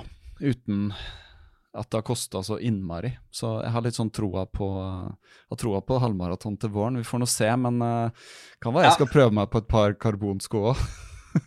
Halvmaraton syns jeg er en, en, veldig fin distanse. Da. Det er kjempegøy. Det er det jeg har løpt absolutt mest. Så det er akkurat så langt at liksom, du kan løpe fort, men samtidig ikke sånn at det koster så mye før helt på slutten. Så ti, ti og fem og sånn, det er for meg Jeg syns det er veldig tøft. For jeg liker ikke den derre du vet når man får litt sånn åndenød-følelsen, da. Ikke sant? Det er aldri likt, så ja. Så man finner seg litt sånn favorittdistansen. Men uh, hvilket halvmaraton var det du løp? Var det på Det var NM på halvmaraton i år, ja. som var på Jessheim på ja. Norgesløpet, heter vel det løpet. Mm -hmm. Så um, har jeg vel løpt tre halvmaraton i år. Mm -hmm. uh, det var på en måte nå i, i, vinter at jeg på en måte endelig merka at nå, nå, er jeg kvitt det som er av skader. Ja. Så jeg kunne begynne å trene mer normalt igjen og slutte å sykle fem ganger i uka og, og sånne ting. Ja, deilig. Så jeg fikk god fremgang fra, fra, mai, da jeg løp oppe på et løp som heter Perseløpet, som ligger mellom Jessheim og, og Gardermoen. Ja.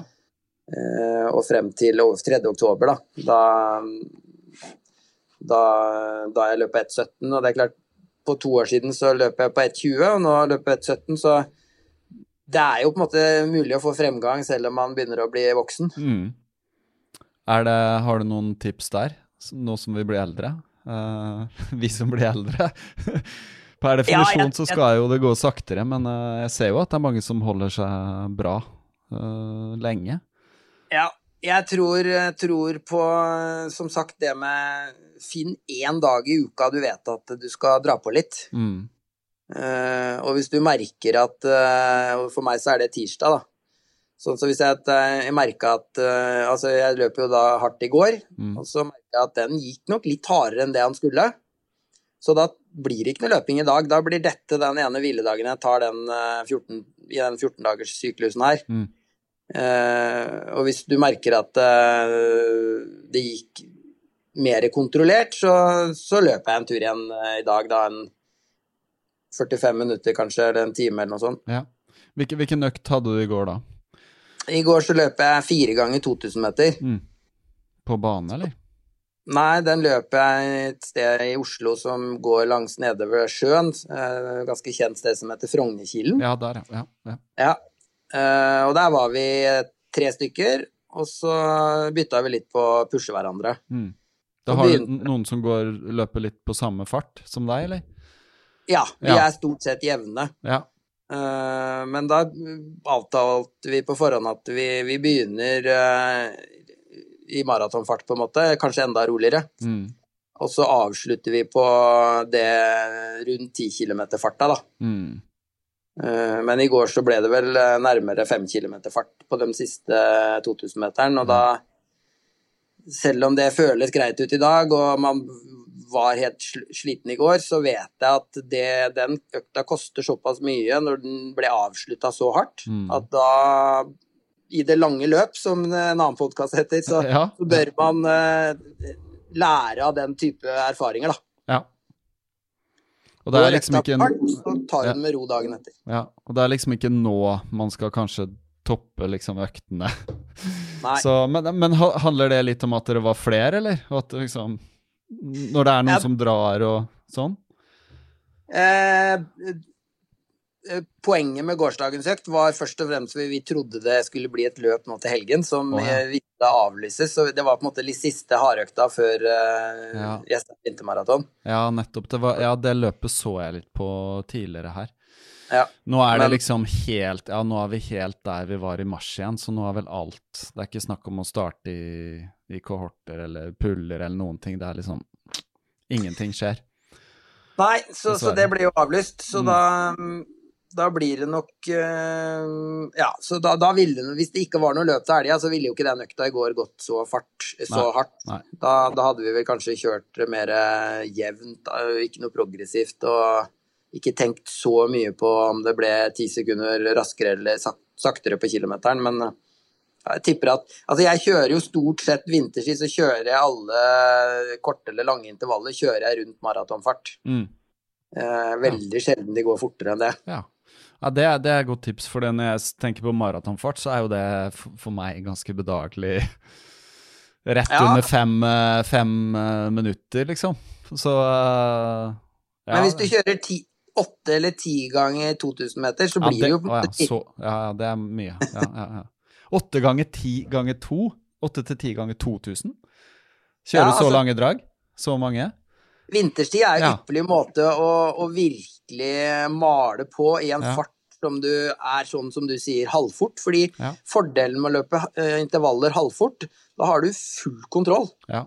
Da får du et annet steg. Mm. Da, du, da, blir du mer bevisst på opplevelsen.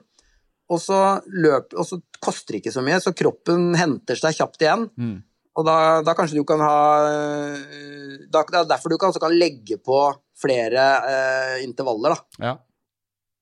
Nei, men det, det er kanskje det. Jeg, må, jeg, tror jeg skal moderere meg litt, for at eh, jeg holdt på jo å trene til uh, Når jeg trente til den uh, Fredrikstad i år, så gikk det Da fulgte jeg program som var litt sånn Det var veldig ambisiøst, så det, det, ble veldig tøft, altså. Um, men så hvis, du, hvis ja. målet ditt uh, neste år da blir å, å nærme seg 30, eller un, rett under Ja. Altså, en hemmelig drøm er rett under, men det, det er mye å Men alt er mulig, altså. Så, men i hvert fall slå 1,34, som jeg har løpt på, da. Ja, det er det 4,36-5? Nei, altså, jeg tror må under 4,30 da, for å Jeg tror kanskje Under 4,30 på kilometeren? Ja. 4,27 kanskje, noe sånn. Ja. Det kan, det kan, jeg sjekke, men ja, jeg tror det ligger rundt der. Eller no, kanskje uh, Som ville vært det, er å løpe enten 15 ganger 1000, der du begynner på, på 4,45 og slutter på 4,20. Ja.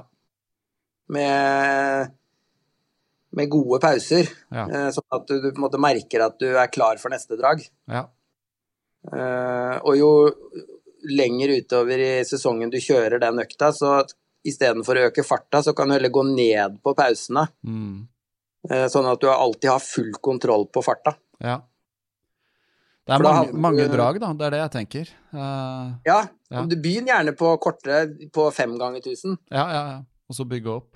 Ja. Mm. For da igjen, alt handler jo om å ha Altså hvis du, hvis du har full kontroll når du står på startstreken, mm på hvilken tid du skal løpe, og hva du har lyst til å løpe på, og ikke sant. Mm. Det er jo et scenario som ikke er så enkelt å få til. Ja. Men hvis du begynner i andre enden, da, og står på trening tolv uker før løpet ditt og tenker ok, hva er det jeg har full kontroll på i dag? Mm. Ok, det er seks ganger 1000 i 4.45-fart. Ja. Så gjør du det, og så merker du underveis ok, hvordan føles dette? Jo, jeg kunne jo i hvert fall løpt to til. Mm. Ok, da gjør jeg det neste gang. Da løper jeg sju ganger eller åtte ganger tusen neste gang. Mm. På samme farta. Mm. Og så bygger du den oppover til du har eh, i hvert fall ti, kanskje. Jeg, jeg, er jo tilhenger av å heller løpe saktere, men mer. Mm. Så hvis du bygger den opp til 15, da, mm. i 4,45-fart, tar du én 1000 meter per uke. Ja. Og så når du kommer opp til 15, så begynner du å jobbe med farta. Da kan du begynne å ta, kjøre en progressivt. Mm. Ok, da kjører vi de fem første i 4.45, de fem neste i rett under 4.40, og de fem siste kanskje nærmere 4.30. Mm. Så jeg burde ikke over den farta jeg skal løpe halv, halvmaraton på, på sånne drag? Ikke i starten, i hvert fall. Nei. Fordi du blir jo bedre for hver uke som går, mm. bitte lite grann. Og mm. i løpet av en måned så vil du merke litt fremgang. Så på et eller annet tidspunkt så vil du merke at, at opplevelsen eh, er viktigere enn farta. Ja. Fordi opp, hvis opplevelsen er lik, og du blir litt bedre form for hver måned og hver uke, mm. så går farta ned. Ja. Men hvis du fokuserer på farta, mm. så vet du ikke om du vet, Da har du ikke kontroll på følelsen din. Nei, ikke sant. Eh, og det er jo det som jeg syns er morsomt med løping. Mm. Det å på en måte uh, tappe inn på uh, kontrollen, fordi det, det, er jo det du må bruke i, i konkurransen. Mm. Da har du den ene dagen, da skal alt klaffe. Da, da, da, får du se hvor bra du har forberedt deg, på en måte. Ja. Uh, ja. ja. Nei, men det er et godt tips. Det er mye å ta med seg videre her. Så nå har vi fått en god prat, altså. Uh, ja. Det er uh, supert. Og så, som jeg nevnte før vi starta her, så når uh, alle har fått seg et skudd i armen med en sånn korona, så kan vi sette oss ned. Ikke sant? det gjør vi, for jeg vet at det er mye historie med deg bak der, og ultraløp og både det ene og andre. Så, og det kan vi ta, ta når vi ja. setter oss ned her. Så, men uh, gøy å snakke med deg, Andreas, om, om trening. Det er gøy å nøle litt innimellom. Mm. Uh, og så må man huske på resten av livet òg, da. ja. det må vi. Men det er gøy å nøle litt innimellom. Jeg kjenner at det er sånn, jeg har behov for å ha disse eh, sånn Huske litt på. uh, teknikk og fart og alt det der. Så det er gøy. Det er, det er, gøy med løping, og det er gøy å prøve litt forskjellig. Og gøy å prøve å utvikle seg. Og om det er å løpe fortere eller lenger eller ja, ta et uh, fjellmaraton hva som. Jeg er kjent med nye folk ja. fordi du fanga opp en eller annen, og så, ja. og, så, og så, kanskje konsekvensen av det blir noe annet enn det du trodde, da. Ja. Det er jo Fortsatt så er det jo sånn at løping i Norge ikke er så veldig stor idrett, men den vokser uh, ganske raskt. Vi er på en måte i en litt sånn løpebølge igjen der flere og flere løper, men, uh, men uh, jeg, jeg tror vel fortsatt at fotball f.eks. er litt større enn det løping er. Ja. I hvert fall for barn og unge, men for de over 30 eh, så blir det ikke så mye fotball, da. Nei. Nei, jeg bare merker Jeg har to barn, og ingen av de har trent sånn organisert idrett, da, men det holdt på med sånn andre organiserte ting. Men det er mye lettere å finne sånn fotballag enn å finne noe løpelag, liksom. Sånn, ja. Jeg kan bare gå på det. Det er sånn Gryner og rett der oppe og sånn, men og løping er litt mer sånn Da må jeg lete. Jeg, jeg vet ikke hvilke klubber engang. Så det blir litt sånn lenger og sånn. Så jeg løper jo som barn, men da bodde i Fredrikstad. Det var liksom fiff. Ja. Og det var veldig mange som drev med det, så det var liksom helt sånn naturlig at løping. Og så var det mange som holdt på med fotball òg, men jeg tror det er som du sier, det, det virker som en løpebølge. Det er voldsom interesse, i hvert fall. Uh, nå er vi kanskje litt sånn inne i det. at Vi ser jo veldig mye folk som løper, og vi kjenner mange og sånn, men uh, bare å se på liksom løpepodkaster da, siste åra. Ja. Meg og Ja, nå er det alvor, og og den uh, lange løp og liksom Så det er jo mye interesse, helt klart. Så det er gøy, og jeg har tro på at det ikke bare er en, en liten bølge, men at det kanskje vil holde seg litt. Du, særlig det når du ser at du har norske som hevder seg i verdenstoppen. Da. Og det er jo det som ofte gir sånn synergieffekt med unge som har lyst til forbilder osv. ikke sant. Så... Det er kjempeviktig det du sier der. Både eh, hvilken plattform man er på for å få ut et budskap, og der er jo du kjempeviktig. Mm. Eh, også som du sier, eh, forbilder som blir løfta opp i media, de har en, en rolle. Eh, friidrettsklubber har definitivt en rolle, som, men der er du igjen litt sånn på hell, tror jeg, da. At eh, dugnadsånden eh, forsvinner litt av de, uh, sånn som det var da jeg vokste opp. iallfall. Jeg er jo fra nabokommunen din, jeg er fra Halden egentlig. Okay.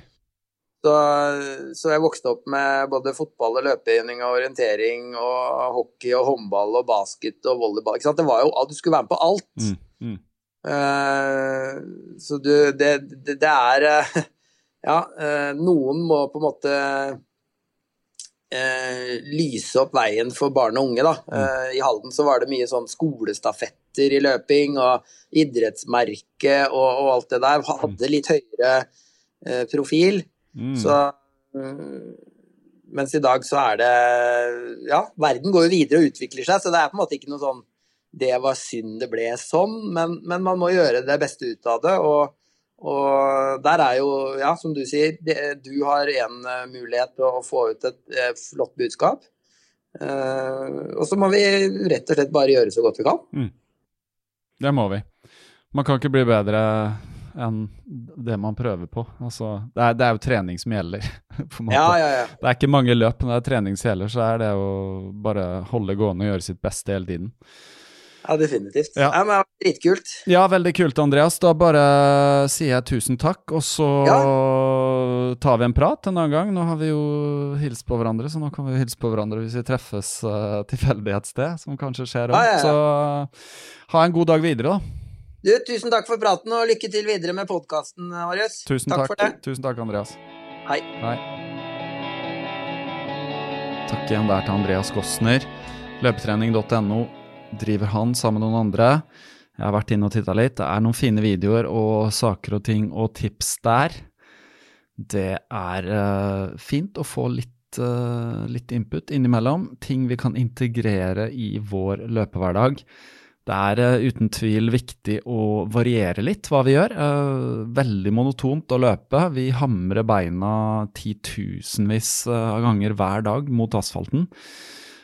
Husk at det tar tid, alt ettersom hvor du er i løpekarrieren din. Det tar tid å bygge opp muskler og sener og bein og kapillærer, og ikke minst psyken og følelsen du har rundt løping. Ting tar tid. det er helt sikkert. Jeg er vel i mitt ja, nå i høst så har jeg vel løpt i rundt seks år, og nå merker jeg at uh, det skjer en sakte endring ved at jeg kan, uh, kan løpe mer. Jeg kan løpe fortere på harde økter. Jeg kan ja, ta meg lengre turer innimellom uten å bli for utslitt. men jeg har også blitt flink til å ta det rolig innimellom, ikke pushe det.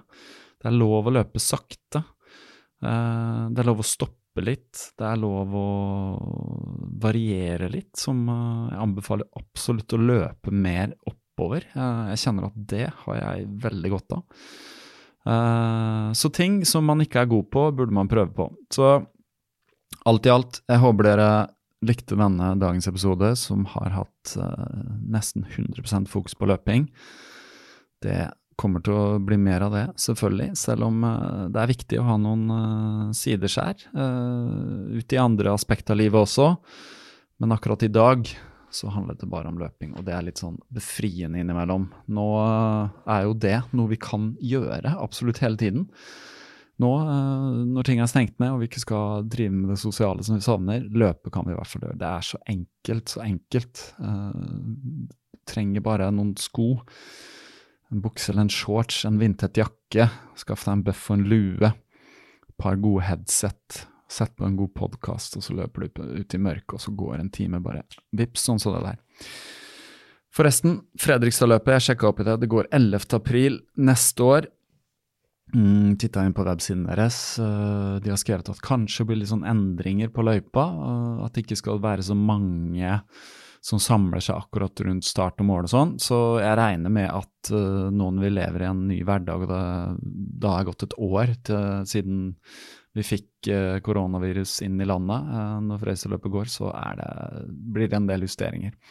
Så blir det kanskje enda litt lenger til vi kan kjøre de store løpa igjen, men vi får bare håpe at til høsten så er vi alle vaksinert, og ja, kan rett og slett løpe side om side igjen. Uh, veldig rart å tenke på at man savner å stå der tett i tett i tett i tett på begynnelsen av et løp og kjenne liksom pulsen bare stige og stå og hoppe og ja.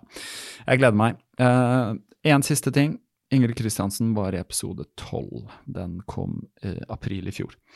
Så nå er det bare å ønske dere en god dag videre, en god aften. Uh, og så er det bare å skyte en e-post til kaptarepodkast.gmail.com. Eller sende en melding på Instagram. Eller legge igjen en anmeldelse på iTunes. Og der, del med venner og kjente som løper mye, som løper lite som uh, ja, kanskje har lyst til å bli en løper. Hvem vet? Det er alltid gøy å få med seg nye mennesker inn i løpingen. Um, så sier jeg takk for meg. Jeg heter Marius Hauge. Jeg lager Kaptare podkast. Det er et soloprosjekt. Tusen takk til alle patrions som støtter podkasten. Det er uh, jevnt og trutt med aktivitet på Patrion nå. Prøver å få til litt mer dialog med patrions, så hvis du er interessert å komme inn og påvirke litt, og komme med spørsmål og ønsker og sånn, så bli patron. Du finner link i uh, podkastnotatene. Hvis ikke så er det patron.com slash kaptarepodkast. Jeg setter enormt pris på dette. Jeg trenger støtte for å fortsette. Det er ikke noe penger i podkast når du driver det alene. Da må du være rikskjendis, og så må du snakke om humor og sånn. Ja, eller være ansatt i et stort uh, mediehus, f.eks. Det er ikke jeg, men jeg elsker å lage podkast. Jeg elsker å snakke med dere. Jeg elsker å løpe. Jeg elsker å lytte podkast. Jeg setter enorm pris på alle dere som lytter, og ha en fantastisk dag videre. Det har jeg allerede sagt, men jeg mener det. Ha en veldig bra dag. Glad i dere alle sammen.